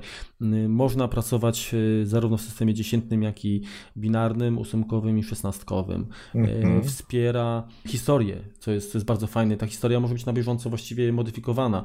To jest właśnie fajne, że możemy niewiadomą y, wprowadzamy jako znak zapytania, a program nam Czyli mamy wszystkie jakby y, pozostałe dane mhm. i któraś jest nie, nie, nie, nieznana, to w, to w tym momencie on wylicza z automatu właśnie nam ten, y, ten, ten daną właśnie, która została zapisana jako znak zapytania. Fajne jest to, że sam program pozwala na zapis taki, jak, jak, jak nas uczono na lekcjach matematyki tak? Czyli, czyli to nie jest... Pod kreską, nad kreską. Dokładnie, dokładnie. Ta, ta składnia jest po prostu taka czytelna i to przyjemnie się po prostu na tym pracuje. Jeżeli mamy ileś tam mm, właśnie mm, danych, czy, czy powiedzmy właśnie nad kreską, pod kreską, każdą z nich możemy w dowolnym momencie zmienić. No i oczywiście to będzie miało wpływ na to, co, mm, co, jak będzie wyglądał wynik. Y, ma obsługę macierzy, ma obsługę jakiś list 2D, czyli jakiś y, regres linio, liniowej. To są nawet rzeczy, których ja no, szczerze powiem nie, nie, nie korzystam, bo nie jestem matematykiem, natomiast Często na przykład z jakichś tam y, funkcji binarnych mm, korzystam, takich powiedzmy podstawowych, no i przede wszystkim z historii, bo, bo to jest fajna, fajna rzecz. Całość niewielki program estetyczny, taki jak po prostu powinny aplikacje na Maca wyglądać. Także no, zachęca mm, do, do, do wykorzystywania. Właściwie systemowy można wrzucić do kosza. Jeżeli ktoś powiedzmy nie korzysta z, y, właśnie z Excela, y, który mm, no, oferuje wiele, wiele funkcji fajnych, y, do obliczeń. Ale to też jest jakby, to... no to nie jest program do obliczeń, tak? No tutaj mhm. dużo rzeczy można zrobić w Excelu, tak? Jest to bardzo często wygodne, natomiast dłuższe obliczenia, no to to jakby lepsze, lepsze jest coś takiego. Widzisz, no jeszcze używałem czegoś, co się nazywa PC Calc, ale to jakby z sentymentu dla twórcy bardziej i no, na iOS-a powiedzmy wygląda fajnie, ale wiesz co, no to, to będzie pierwszy program, który no, no właśnie już kliknąłem kup. Mówisz o Magic Number? Tak. O kurczę, to mój pierwszy sukces, już cię przekonałem. Pierwszy sukces, tak. no ale sam sam widzisz, że, że naprawdę wygląda fajnie. Tam jest do 25 chyba miejsc y, bezpośrednio wyświetla. Można w ogóle sformatować to, jak chcemy ten wynik y, oglądać. Właśnie czy, czy to jest ułamek dziesiętny, czy zwykły. Um, można wygenerować jakieś PDF-a z tą historią, także naprawdę możliwości jest, jest, jest, jest multum ale jeśli chodzi o zmienną, to możesz, znaczy o tą niewiadomą, możesz mieć jedną, tak? Czyli on tutaj jakby układów dwóch równań nie rozwiązuje. Wiesz co, nie sprawdzałem. Tego, nie, tego ci nie powiem. Nie sprawdzałem też na przykład, czy obsługuje RPN, tak? Mhm. Czy tą notację odwrotną. Tego, tego nie wiem, to trzeba byłoby spytać e, Jaromira. Ja nie korzystam z tego. Może kiedyś się nauczę. E, zresztą powinienem, bo to przecież tutaj nasz rodzimy e, sposób obliczeniowy. No tak, było nie było. Ale... Notacja polska. Dokładnie. Natomiast nie wiem, pewnie jakbym wiedział, jak je użyć, to bym to sprawdził. Natomiast teraz nie będę się tutaj wymączał. Dobrze, to teraz, co by tu teraz wybrać? Na przykład też, jak już wróćmy może do belki systemowej, Bartender 3, czyli program umożliwiający zrobienie troszeczkę porządku na tej belce. On kosztuje nieco poniżej 60 zł.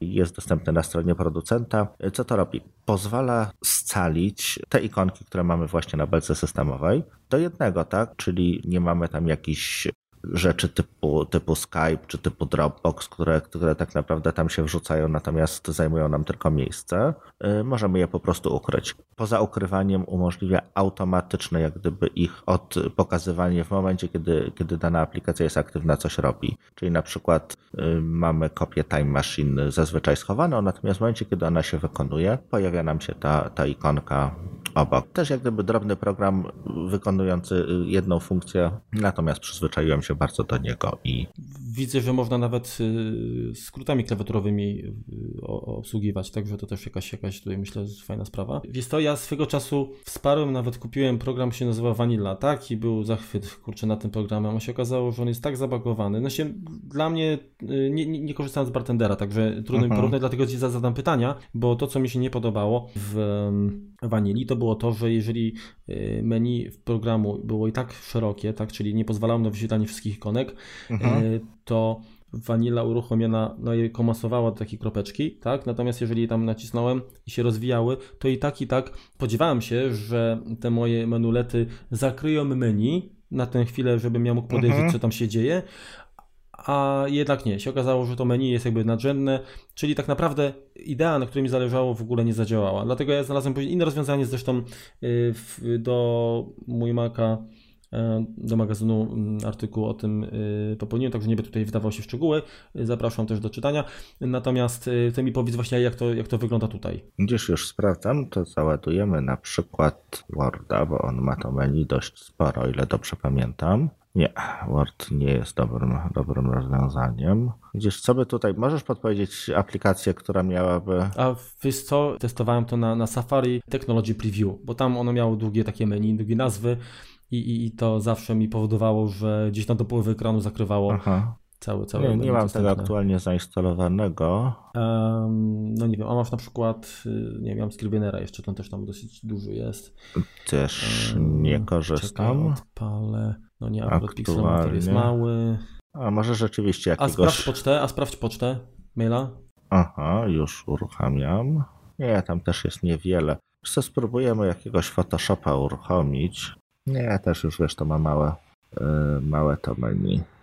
Znaczy nowy bartender ma już troszeczkę, troszeczkę to inaczej ro, rozwinięte. Poprzedni wyświetlał te aplikacje, które mieliśmy schowane, jak gdyby pod spodem, było w takim, takim baloniku. Natomiast nowy wyświetla to na tej górnej, górnej belce, to znaczy chowa aplikacje, które mieliśmy normalnie i zamiast tego wyświetla te, które, które po prostu mamy ukryte. Natomiast jak się to zachowuje, jeśli chodzi o długie menu, no to przykro mi niestety niestety nie wiem, jak w tym momencie sprawdzić. Nie chcę kombinować ze zmniejszaniem mhm. rozdzielczości, bo no niestety Metal 2 nie jest najbardziej dopracowaną technologią. Na dzisiaj przynajmniej i trochę Dobrze. się obawiam o stabilność. Jest to chyba, chyba bartender oferuje jakieś, jakieś demo, także ja sobie sprawdzę to. Dobrze, to teraz. To teraz ja. ja. O tak, dobrze, proszę bardzo. Ja, ja, ja, ja. Dobrze, to teraz dla odmiany, żeby było trochę luźniej, e, to chciałbym zaproponować program, który no, rezyduje u mnie na komputerze i belce i, i działa po prostu w tle e, przez cały czas. Nazywa się Boom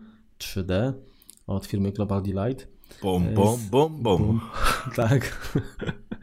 E, recenzowałem poprzednią wersję, czyli Boom 2 tej firmy e, na łamach mój Maca. Co to jest? To jest tak naprawdę aplikacja, która mm, próbuje oszukać nasze uszy, tak? Czyli e, poprawiamy, no oczywiście tutaj to jest pojęcie względne, jakość dźwięku generowanego przez głośniki wbudowane w komputer. Działa to w ten sposób, że przy pierwszym uruchomieniu program odgrywa jakąś melodię. Nie wiem, czy to mikrofon zbiera, czy po prostu jakieś tam nie wiem, wewnętrzne mambo jumbo jest inne voodoo rozczyniane. W każdym razie, jako że każdy egzemplarz komputera no de facto nieco się tam różni od, od drugiego, Aha. jest tworzony taki indywidualny profil urządzenia, który no, ma zapewnić jak najlepsze odzorowanie dźwięku, czyli, czyli to, żeby mm, nasza Y, nasze wrażenia słuchowe były no, optymalne. Czy one są, no to jest kwestia subiektywna, tak? No myślę, że wiesz, no niektórzy...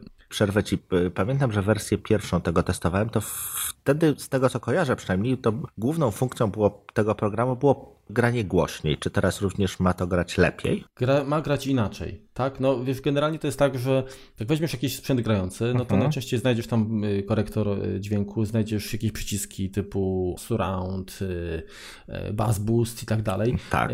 No, no wiesz, no jeżeli ktoś jest przygłuchy, no to generalnie sobie będzie, po, będzie podciągał daną, daną częstotliwość po to, żeby jednak no, ją lepiej słyszeć. Także ten program tak naprawdę, no on ma przygotować dźwięk do takiej formy, która będzie nasze uszy, y, którą będą odbierały w jak najbardziej przyjazny dla nas, dla nas sposób. To znaczy, że tak, ja ustawię sobie jakiś profil i ja będę zadowolony i mhm. będę uważał, że to świetnie gra, natomiast ty stwierdzisz, stare, ale to w ogóle to jest przester, tutaj to nie działa, to nie, to nie tak, weź to wyłącz mhm. i tak dalej. No ale o gustach się nie, nie dyskutuje. Myślę, że aplikacja jakby posiada na, na tyle mm, elastyczny tutaj, yy, na tyle jest elastyczna, że pozwala dostosować naprawdę dźwięk y, do takiej postaci, żeby była, no, żeby każdy y, usłyszał przede wszystkim to co, to, co chce usłyszeć. Ale tam masz jakieś presety typu, nie wiem, pop rock, tak, tak. disco y, polo? Po, po, poza tym, że oczywiście masz profil ten, który jest wygenerowany przy starcie, mhm. no to masz taki preset, tam jest chyba około 20, lata 60., muzyka akustyczna, wzmocnienie, właśnie bass boost, muzyka klasyczna, dance, jakiś profil o nazwie Deepnet, nie pamiętam, dubstep, elekt- muzyka elektroniczna, hip-hop, kto tego słucha, nie wiem, house, jazz, lounge, to ma być taki, ikonka kanapy jest, także myślę, że chyba po tym się po prostu odpływa. E, Aha. Jest też profil do filmów, czyli podwyższasz na przykład wokal, dźwięki mhm. rozmów, a, a całe tło jest, jest wyciszone. Muzyka, taki ogólny chyba pop, reggae, rock, tak jak mamy tam bass boost, to jest jeszcze treble boost, czyli, czyli podbijamy wysokie tony. Mhm. Ale to nie wszystko, bo to, to, jest, to jest typowy equalizer, natomiast dodatkowo aplikacja daje coś takiego jak efekt właśnie 3D Surround, bądź y, profile, które y, się nazywają Ambience, y, Fidelity, Night Mode i Spatial. I tak naprawdę no to one powodują, że ten dźwięk staje się albo mniej, albo bardziej przestrzenny, w mhm. przypadku Night Mode to jest też do oglądania filmów typowo właśnie, czyli, czyli, czyli e, unika się jakichś takich nagłych skoków e, dźwięku, czyli to działa jako taki, taki normalizer powiedzmy też e, po to, żeby nie obudzić sąsiadów, jak nagle jakaś akcja się zacznie. Ale to działa również na słuchawkach, czy tylko na, na głośnikach wbudowanych, czy, czy, czy jakichś tam innych głośnikach? Na, na czymkolwiek, na czymkolwiek. Aha. Znaczy nie działa to niestety, bo tak, Boom ma też swoją wersję na iOS-a i tam działa to również przez AirPlaya, czyli możesz te zmiany wprowadzone, jak wyślesz na odbiornik AirPlay, to one będą słyszalne. Natomiast y, na komputerze jeszcze, jeszcze to nie działa, natomiast Aha. Y, plany są, plany są, czyli jak podłączysz po kablu y, głośniki, bądź otworzysz na wbudowanych, to te zmiany słychać, natomiast jeżeli mm, wysyłasz z menu po prostu wybierasz na, na odbiornik AirPlay, to on jest jakby odcinany, tak? Czyli boom w tym momencie jest ignorowany. Jasne. Co mogę powiedzieć? No,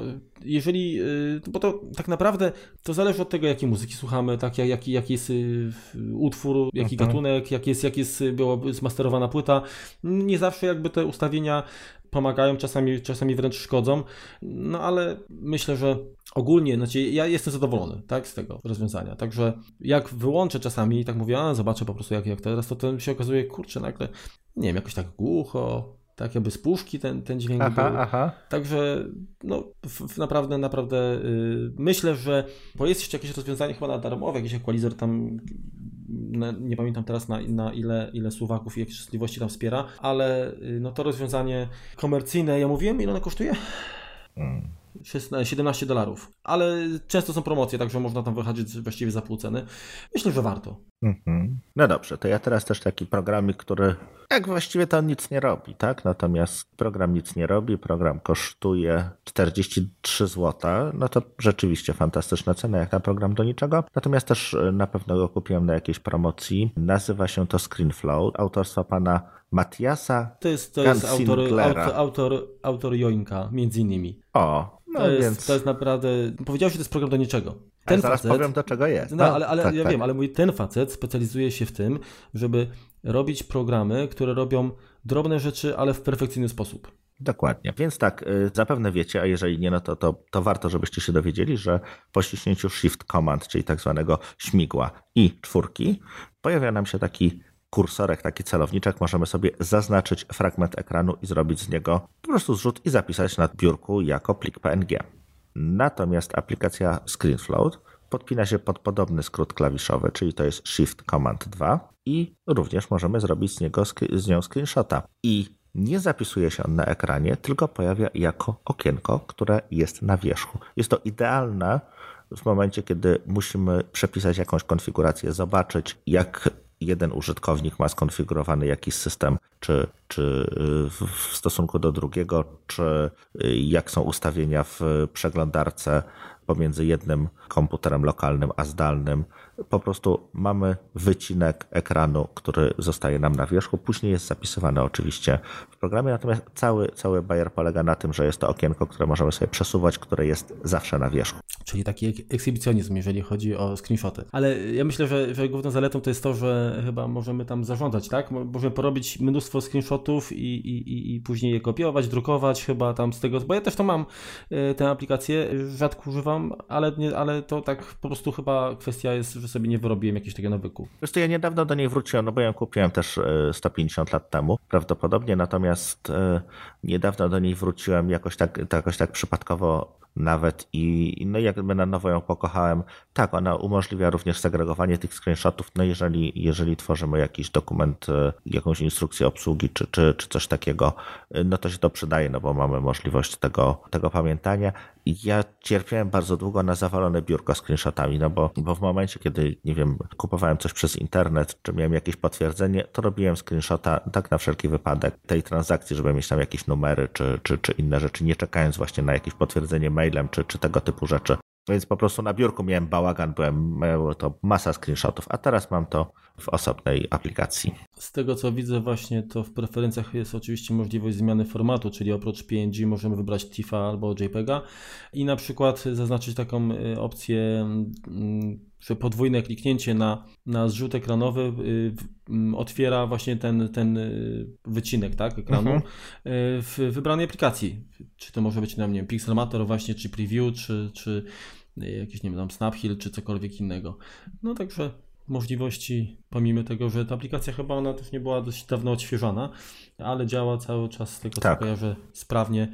Y, interfejs jest troszeczkę, nie? Troci myszką. Tak, tak, to prawda. Natomiast, na, natomiast yy, działać działa jak najbardziej. Znaczy do podstawowych zasad, do podstawowych zastosowań do tego interfejsu po prostu nie widać, no bo tak jak ja nawet, nawet jeżeli mam podłączony y, zdalnie jakiś system, czy to, to będzie Windows, czy coś takiego i nie wiem, yy, chcę porównać jednego użytkownika i drugiego w jakimś tam systemie, do jakich grup należy, czy, czy jakie ma ustawienia, to po prostu robię sobie szybciutko screenshota, przerzucam na górę, gdzieś tam na bok i porównuję po prostu otwierając drugiego i i, i, modyfikując. Więc pod tym względem no jest to takie jakby proste narzędzie. Z racji tego, że to okienko jest zawsze na wierzchu, no to nie musimy wachlować się tymi okienkami, przełączać, tylko po prostu czy tam reskalować, po prostu to, to jest obok. Okej, okay, to teraz znowu ja przyjmuję mikrofon. Wirtualną pałeczkę. Tak, wirtualną pałeczkę, tak. I chciałbym mm, opowiedzieć o aplikacji, którą też korzystam już od dłuższego czasu, 2013-2014 rok także szmat. Aplikacja Better Snap Tool. Autorem jest Andreas Hegenberg. To jest ten sam człowiek, który tworzył m.in. Better Touch, Touch Tool. Tool. Mhm. Tak. Um, akurat Snap Tool służy do czego? Służy do czegoś, co w tej chwili to um, właściwie można powiedzieć, że, że już troszeczkę e, odrobinę Apple za, za, załatało. Dogoniło, e, tak. Dogoniło, tak, bo w Windowsie już to od dłuższego czasu była możliwość Y, przeciągania, znaczy po y, przeciągnięciu y, okna aplikacji systemowej lub, lub aplikacji do ekranu można było ją powiększyć na powiedzmy na 1 czwartą czy na połowę, tak? Okna. Takie gesty, które wykonujemy jak gdyby okienkiem możemy, właśnie uderzenie w górę powoduje maksymizację okienka, uderzenie w bok, uruchomienie na połowę ekranu i Dokładnie uderzenie w, w narożnik to jest jedna czwarta ekranu. Dokładnie tak. I Better Tool robi to, ale robi też dużo więcej, dlatego że możemy otworzyć okno i wskazać, że chcemy, yy, znaczy otwieramy okno, jak ustalamy rozmiary, tak, może ono przykrywać ileś tam procent ekranu i to okno będzie tak, takim, jakby to powiedzieć, takim placeholderem, takim yy, szablonem, do którego dowolne inne okno możemy przyciągnąć i on, to, to nowe okno przyjmie takie same rozmiary. Czyli jeżeli mamy y, powiedzmy taką fanaberię, że chcemy otwierać okna tak, żeby zawsze tam miały marginesy od dołu, od góry, tam z prawej, z lewej strony, y, no to tworzymy po prostu taki taki szablon i, i każde okno się powiększy tylko do takich rozmiarów. Tych powiedzmy profili możemy stworzyć dużo, one mogą się wyróżniać, w sensie to może być mm, taki, taki, taki profil, szablon niewidoczny, może mieć też jakiś tam kolor, może mieć nazwę. Naprawdę mega, mega elastyczna Y, aplikacja, jeżeli chodzi o konfigurację. Pamiętam, że coś, coś fajnego ona jeszcze miała taki, teraz kurczę, nie pamiętam, na końcu języka mam kurczę, także nie wiem, jak otworzę. Czy widzisz to, czy nie widzisz? Y, już, y, już patrzę, rozkróty klawiszowe oprócz tego mhm. potrafi obsługiwać no to chyba tyle. No Better Touch miał dodatkowo jeszcze bardziej zaawansowaną obsługę urządzeń peryferyjnych, touchpada, myszki, czy, czy, czy nawet jakichś tam innych egzotycznych. Mhm. Ja jeszcze zobaczę o preferencje, może to mi się uda coś kurczę znaleźć takiego, bo pamiętam, że jakoś, o jakichś rzeczy chciałem powiedzieć, a, a mi teraz uciekło. No trudno, trudno. No, nie, nie można być idealnym. E, oczywiście, tak jak wspomniałeś, może do, do każdego powiedzmy, do każdej akcji, czyli przeciąganie do konkretnej krawędzi ekranu, czy tam nie wiem, 1 czwarty, czy 1 trzecia ekranu możemy przypisać skrót klawiszowy, czyli faktycznie albo, albo yy, myszką przeciągamy i jeżeli wiemy, że w tym obszarze to zadziała, to to po prostu tak będzie, bądź, bądź robimy to jeszcze szybciej, no korzystając z klawiatury. A, o właśnie, jeszcze jedno, to już znalazłem. Czyli chodzi mi o to, że jak, jak mamy okna aplikacji, to u góry są te takie już teraz płaskie, takie glutożelki, pamiętasz, nie? tak. Jak były w starszych wersjach e, OS Xa. Czyli czerwony, y, żółty, czy też pomarańczowy i, i zielony przycisk. To możemy przypisać, jakie akcje, y, co, co ma się dziać z tymi oknami, gdy klikniemy lewym bądź prawym klawiszem myszy. Także no naprawdę tutaj można mnóstwo rzeczy przypisać. Ja, ja powiem szczerze, y, też pewnie wykorzystuję mm, to może w 10%, może 15%, ale jestem zadowolony, bo to, to, co robi, to robi dobrze. Natomiast dla kogoś, kto potrzebuje wyrafinowanego narzędzia do kompletnych cudów, to myślę, że, że to narzędzie też się sprawdzi. Wiesz co, myślę, że podobnie tego używasz tak jak ja, bo tutaj jeśli, jeśli korzystamy z Windowsów, no to, no to te, te gesty, które, które tam się pojawiają, które się pojawiły chyba w Windowsie 7, tak, w Windowsie 7, to są po prostu wygodne, no i tutaj przeniesienie tego, tego samego po prostu się sprawdza. Mhm. Mm, moja kolej. Za 19,95 dolara możecie, drodzy słuchacze, kupić A Better File Renamer. To jest firmy Public Space ten program występuje również w Mac App Store, natomiast tam ma inną nazwę. To jakby do, do, dołączymy do, do opisu odcinka. Jest to program, który umożliwia zmianę nazwy plików. Jest to oczywiście Funkcja zmiany nazwy wielu plików jest, jest dostępna również w Finderze. Możemy sobie zaznaczyć kilka plików i, i kliknąć zmień nazwę pliku i dodać do nich jakiś przedrostek, zamienić jakiś tekst czy, czy, czy dodać jakieś numery. Natomiast to, co, to, co umożliwia A Better File Renamer, to są tak naprawdę cuda. No możemy używać regular expression, czyli regexa y, do zmiany, do zmiany nazw plików. Możemy, jeśli mamy pliki zdjęciowe, to możemy korzystać z danych EXIF i je uwzględnić w nazwie pliku.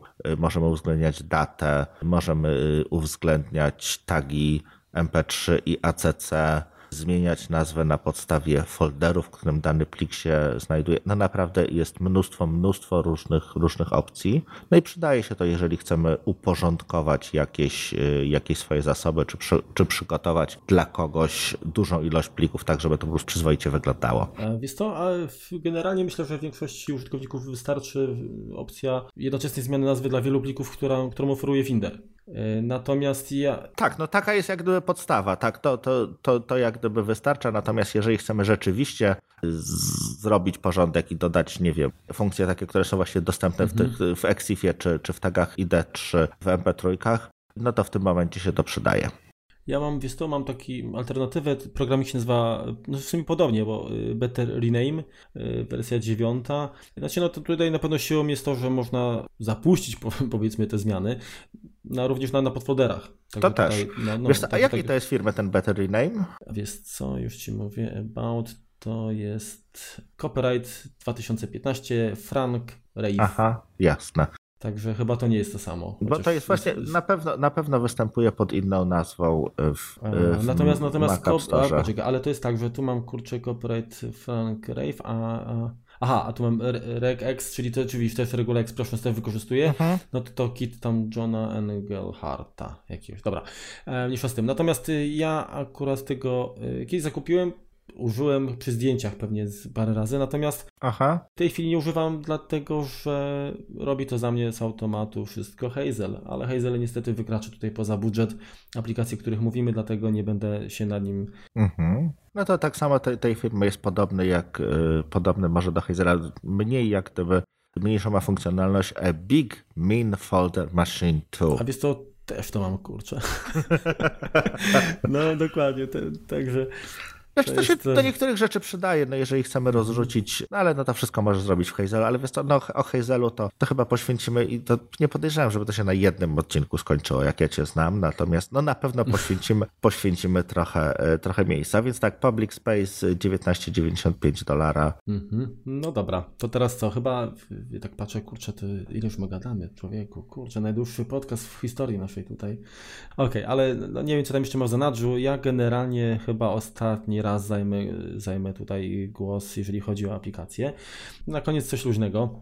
Y, aplikację Denight. Autorem jest. Y, Zabraniasz i luźno? Autorem aplikacji jest. Mm, to jest Holender Mm, o, Holender. O, Holender, tak, ale nie wiem czy latający. W każdym razie e, człowiek, e, który się nazywa, ma fajne imię, Boy. Także e, jak uh-huh. pierwszy raz właśnie tam miałem z, z, nim komunikację mailową, to tak się zastanawiałem, mówię, kurczę, czy on tak chce mnie przekonać do tego, do swojej płci, czy jak? Mówię, kurde, dopiero później się okazało, że, że nie, że tak po prostu ma na imię, Boy Van Amstel. Mhm. Notabene ono w portfolio ma mnóstwo fajnych programików, między innymi Porthole, czyli taki właśnie tam do wysyłania mm, dźwięku z komputera na, na różne y, odbiorniki AirPlay też, ale to tam kiedyś jeszcze do tego wrócimy. Natomiast D-Night to jest program, który służy do czego? Do tego, żeby uchronić nasze uszy przed utworami, których nie chcemy słyszeć. Czyli wspiera, wow. wspiera Spotify, i w Spotify to może, może być wszystko, czyli tam radio, funkcja odkryj, nasze playlisty, cokolwiek. I tak samo jest, jeżeli chodzi o iTunes czy Apple Music, tak? Co on robi? Możemy tworzyć y, tak, zwane, tak zwaną skip listę. Czyli wpisujemy na przykład utwór o taki tytuł albo taki wykonawca, nie wiem, Justin Bieber na przykład, albo Nickelback, zresztą akurat Nickelback jest przykładem tutaj, e, który e, autor sam sugeruje, także e, nigdy więcej Nickelbacka, tak? I, I po prostu na bazie nazw wykonawców bądź tytułów utworów, jeżeli pojawi się taki utwór w kolejce, to on jest automatycznie przeskakiwany. Mhm. Nie, nie pamiętam teraz, kurczę, czy, czy działa, e, działa to na gatunkach, chyba nie. Zresztą te gatunki to tak naprawdę one są niezbyt rzetelnie opisane. Czasami, kurczę, e, kupujesz płytę i ona jest w katalogu oznaczona jako, nie wiem, tam... Poprok. Tak, poproka się okazuje, że to, kurczę, jest, nie wiem, jakiś tam ambient. No, dokładnie. Także to chyba nie byłoby za dobre. Natomiast sama aplikacja działa rzeczywiście skutecznie. E, również radzi sobie z czymś takim jak skity. To często masz jakieś tam albumy, gdzie po prostu kilkusekundowe są takie wstawki, jakiś tam dźwięk, jakaś gadka e, czy coś, tak, tak że on też to usuwa i, i, i również przeskakuje utwory, które, mm, za, które mają flagę, że zawierają teksty mm, dla dorosłych, tak, te explicit lyrics. Także nie wiem, jak on sobie tam z tym... To słabo. No, no, ale można wyłączyć, no. A no to e, dobrze. W każdym razie, niestety, niestety nie, nie działa, nie ma takiej możliwości, przynajmniej na chwilę obecną, e, żeby na przykład oszukać Spotify darmowe i żeby przeskakiwał nam reklamy. Aha. Także akurat, no tutaj jeszcze na takim stopniu, taki poziom zaawansowania ten program nie jest, natomiast jeżeli, dajmy na to, mamy jakąś alergię na konkretnych wykonawców, ale mimo wszystko mhm. chcemy y, korzystać z radia, gdzie no, jednak ten zestaw, ten, ten dobór utworów jest wykonywany przez, nie przez nas, tylko przez kogoś innego, kto nie zna naszych preferencji, y, no to przydaje się. Włączasz po prostu i wiesz, że na 100% danego y, wykonawcy nie usłyszysz, czy danego utworu. A jeszcze, a jeszcze jest jedna sprawa taka, że mm, możemy ustalić y, interwał, po którym utwór nie może się powtórzyć. Tak? Czyli, czyli na przykład chcesz raz na 8 godzin słyszeć kurczę, nie wiem, Jolka, Jolka, no to, y, to tak będzie. Aha, no to sprawdzę, sprawdzę, co tam, co tam mamy. No mieliśmy mieć po 10 aplikacji, a już Z tego co widzę, właśnie wspomnieliśmy o 23. Mhm. Dobra, to, jest, to zrób 24 i kończymy. Kończymy. no tak, tak bo zobaczymy, będzie, będzie parzyście. Co by tutaj wybrać? Dość prosty, na koniec taki dość prosty edytor tekstu, Textastic, Fantastisch Textastisch pana Aleksandra Blacha. Kosztuje 38 zł. Jest to dość prosty edytor. Wspiera on HTML, CSS, JavaScripta, PHP, C, Objective-C, czyli po prostu koloruje składnie. To jak, jak, tak mówisz, to mi się przypomina troszeczkę z, z platformy Windowsowej Notepad++. Notepad++, mhm. coś takiego, tak, dokładnie. Otwiera pliki w tabach. Taki prosty, prosty dość programik y, do, do, do grzebania w jakichś tam plikach konfiguracyjnych czy, czy, czy źródłach. No to jakby na tym, na tym zakończmy może. Mhm. Y, chcieliśmy jeszcze, y, nim, nim oczywiście zakończymy, taka może uwaga do Was. Pamiętajcie, nim rzucicie się na, na zakupy, pamiętajcie, że za około 3 tygodnie będzie Black Friday czyli bardzo możliwe, że, że kilka z tych aplikacji będzie, obniż, miał, będzie miało obniżone ceny. Spróbujemy coś napisać z, z okazji tego Black Friday na y, wybrać aplikacje, które uważamy, że warto mieć i, i, są akurat obniżone, tak? Nie będziemy produkowali listy 5000 aplikacji, które mają obniżone ceny, tylko wybierzemy kilka czy z tej listy, czy jakichś innych, które uważamy, że, że warto kupić. Mhm. Ja, teraz wiesz co, jak już skończyliśmy w sumie o aplikacjach, to ja myślę, że to jeszcze parę minut możemy y, porozmawiać, bo tak naprawdę y, na początku wspomniałeś setup, tak? Czyli, czyli serwis tak który umożliwia korzystanie z aplikacji w abonamencie. Dokładnie, jako, jako tam subskrypcja płatna miesięcznie. Tam jest w tej chwili chyba około, nie wiem, 70 aplikacji? 100. To już jest. A, Dobili do setki. Mhm. Okej. Okay. I, no, I, jaka jest twoja myśl? Jak, jak, jak ten model, powiedzmy, ma, twoje, ma według ciebie, jakie, jakie ma szanse? Jeżeli nie miałbym już tych aplikacji, które używam, to bym jak najbardziej się zdecydował. Czy, czy no, bo tak jak ja zaczynałem pracę na Macu, no to to jeszcze były czasy, kiedy, kiedy dość popularne były paczki y, aplikacji aplikacji i, i z tych paczek dużo, dużo ich nie, nie, nie ukrywam, kupiłem po, po bardzo okazyjnych cenach i, i dalej używam i, i dalej upgrade'uję. Natomiast czy setup ma szansę? No tak, jakbym zaczynał dzisiaj, to, to, to, to pewnie tak. Natomiast jeżeli już większość tych aplikacji, które tam są, posiadam, to nie. Też myślę, że co by mnie mogło zachęcić do setupa, to jeśli, dajmy na to, posiadam nie wiem, z tych 100 aplikacji, które oni tam oferują. Kiedyś dyskutowałem zresztą chyba na Twitterze y, z mi... Znaczy ja już o setupie też, też, też dyskutowałem, nawet byłem gościem Magatki i, i, i broniłem tego, mhm. tego modelu biznesowego wtedy. Ja go dalej bronię, tak? To że, to, że z niego nie korzystam, no to jest kwestią, y, kwestią tego, że jakby pojawił się troszkę później. Mam, posiadam Clean iMac'a, posiadam Instant Menus, posiadam Gemini, Disk Drill, NetSpot, y, więc, więc tego jak gdyby dość, dość dużo Swift Publishera.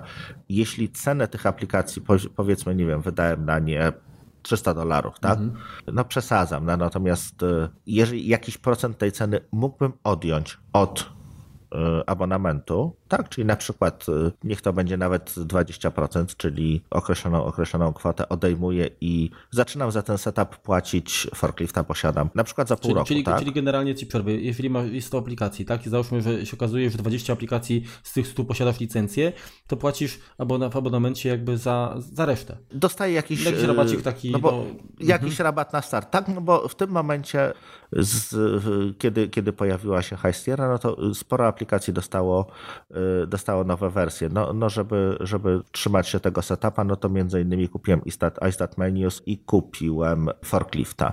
Natomiast jeśli, no bo, no bo one wyszły, tak? Natomiast jeśli byłaby opcja taka, że wstrzymuję się z zakupem i czekam, aż tych aplikacji, które, które rzeczywiście używam, no powstaną nowe wersje, no i one będą płatne. No nie oszukujmy się, programiści też chcą z czegoś żyć, tak? No więc y, tutaj jest to jak gdyby naturalne, że, że, to, będzie, że to będzie płatne. Natomiast jeśli mógłbym sobie to jakby wejść w ten system. Natomiast z racji tego, że posiadam już jakąś inwestycję y, w oprogramowanie, opóźnić y, płatność, to jak najbardziej bym w tym momencie wszedł, zdecydował się na abonament.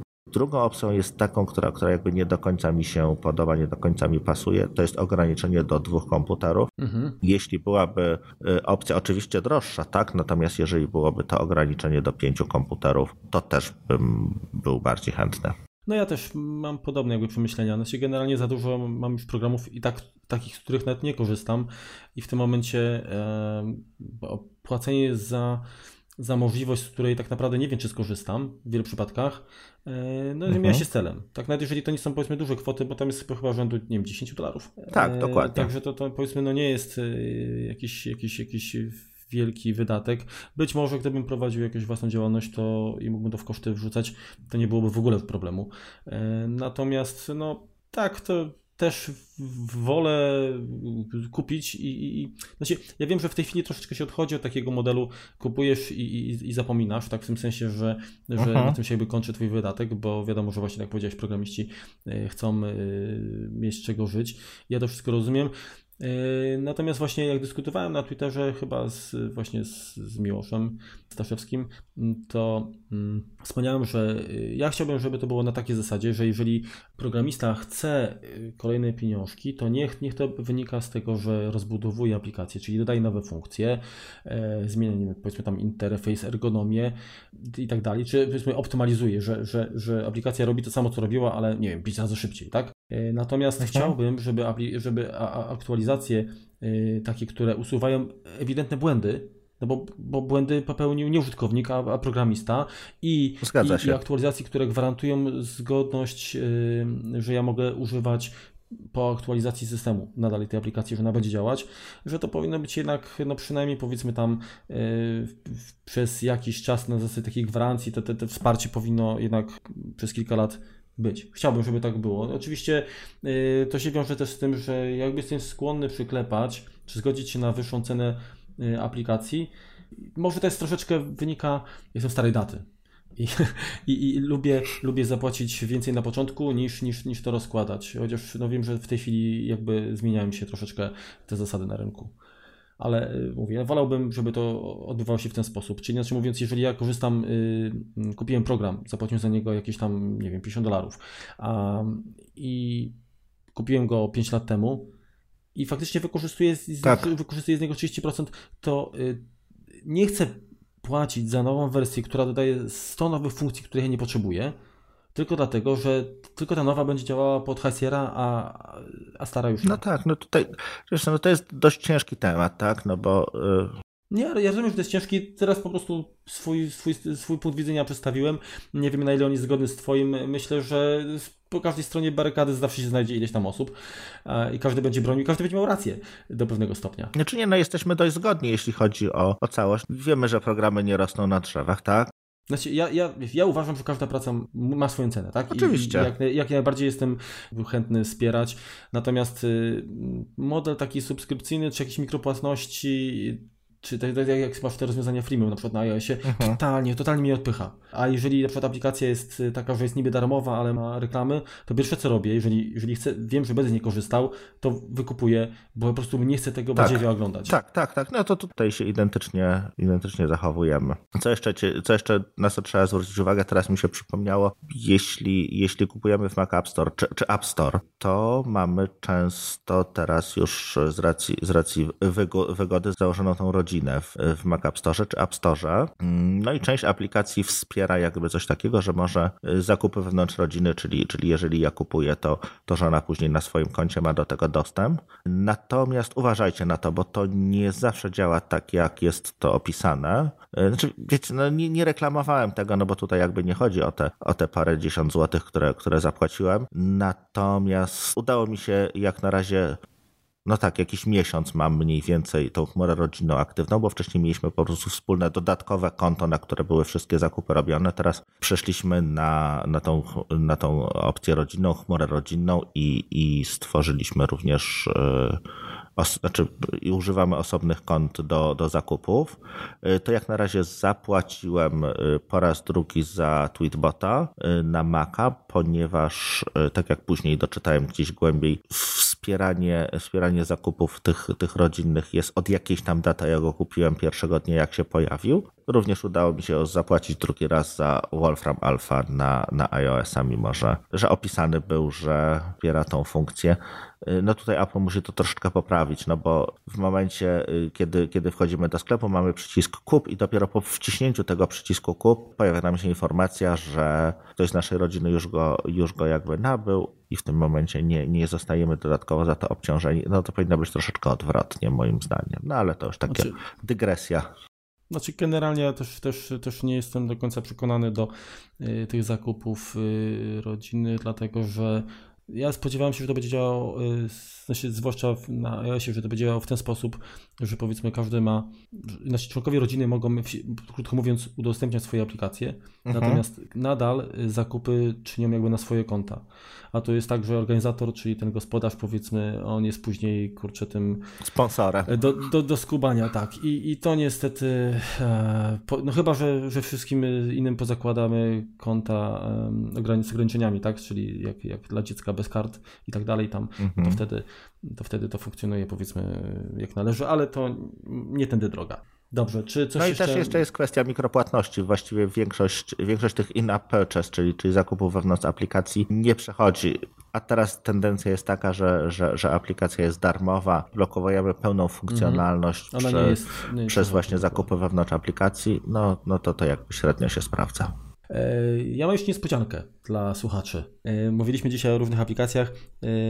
Udało mi się zdobyć dla słuchaczy kilka kodów. Y, są to, no nie będę tutaj trzymał w tajemnicy, są to, mam trzy kody na aplikacji właśnie Denied od Boya Van, Van Amstela i pięć licencji na Joinka od Maciasa Gansriglera mhm. Y, i chętnie Wam je rozdamy. Jaką, tak myślę, że chyba, e, no bo nie będziemy tutaj robić jakichś konkursów i tak dalej, jakaś tam środka Marysia po prostu mm, na, nada te licencje, natomiast chcielibyśmy, żeby to jakiś, jakiś był feedback z, z Waszej strony też, także nie, moja propozycja jest taka, żebyście Wy napisali do nas na, na, na maila jakie wy aplikacje, powiedzmy takie właśnie, które nie kosztują dużo, y, z jakich wy korzystacie. I w dopisku... Ale kosztują, tak? Bezdarmowe. tak, ale kosztują, tak, bezdarmowe, dokładnie. I dopiszcie, którą z tych aplikacji byście chcieli, licencję, na którą z tych aplikacji byście chcieli uzyskać, czyli na D-Night czy na Joinka i wtedy, no tam Remek Środka odpali, Marek wylosuje. Remek odpali aplikację Solver i ona zrobi wszystko. Także wybierze szczęśliwych, e, czyli 8 osób y, może zyskać. Ja nie wiem, ile, nas, ile ludzi nas słucha, może jeszcze nam zostaną te licencje. Czyli jest 8 osób nas słucha na pewno, bo tyle mamy komentarzy w iTunes. O, no, no to właściwie moglibyśmy ich obdarować, ale nie, nie będziemy nikogo tutaj yy, faworyzować. Poza tym nie ma jak do tak. nich dotrzeć tak naprawdę. Także zapraszamy, piszcie do nas pocztą elektroniczną, napiszcie yy, czego używacie. No i myślę, że parę osób yy, zwrotnie otrzyma niespodziankę. No to bardzo, bardzo to przyjemnie wyszło. Rzeczywiście dobra, dobra niespodzianka.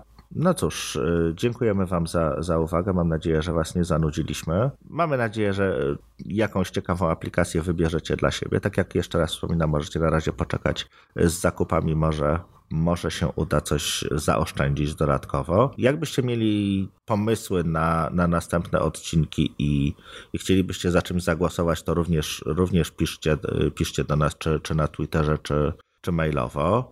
Y, to nie jest tak, że my nie mamy pomysłów, natomiast pomysł jest, problem jest inny, pomysłów mamy zbyt wiele i, i za bardzo nie wiemy, znaczy, nie wiemy za co się zabrać. chcemy lepiej trafić właśnie wasze, wasze gusta też, bo my możemy mówić o tym, co, czy my się jaramy. Pytanie, y, jak, jak to będzie odebrane y, przez was. Poza tym, jeżeli zadacie nam jakieś, jakieś, jakąś zagwozdkę, jakieś, jakieś podniesiecie poprzeczkę, to dla nas będzie to też korzyść, tak? Bo mamy, mamy, mamy ciekawsze zadanie do wykonania. Tak. A swoją no drogą właśnie, mamy jakiś pomysł na, y, na, na następny? Mamy, ale jego tym razem nie zdradzimy. O. o Co ty na to? Ale, ale później mi powiesz, nie? No powiem, powiem. No, znaczy no. pomysł jest o tyle skomplikowany, że nie wiadomo czy się uda, więc na razie zostawimy go w tajemnicy. Więc dziękujemy za wysłuchanie podcastu Kompot. No i co, trzymajcie się i, i do usłyszenia. Do usłyszenia pewnie za tydzień, jak już skończycie słuchać ten odcinek, to kolejny powinien y, o, o czasie wrócić, ale tutaj to też równie, równie z tym może być. Czy tak, tak, Chcemy, się, chcemy się trzymać tygodniowego cyklu, natomiast jeżeli jakiś tydzień nam wypadnie, to no miejcie litość panowie i panie. To co, dziękujemy. Trzymajcie się, na razie, cześć. Także pozdrawiamy. Marek i... Remek, hej. Czołem. Witajcie w podcaście. Tak, jakbym to chociaż raz dobrze zaczął. Tu kurtula, kur...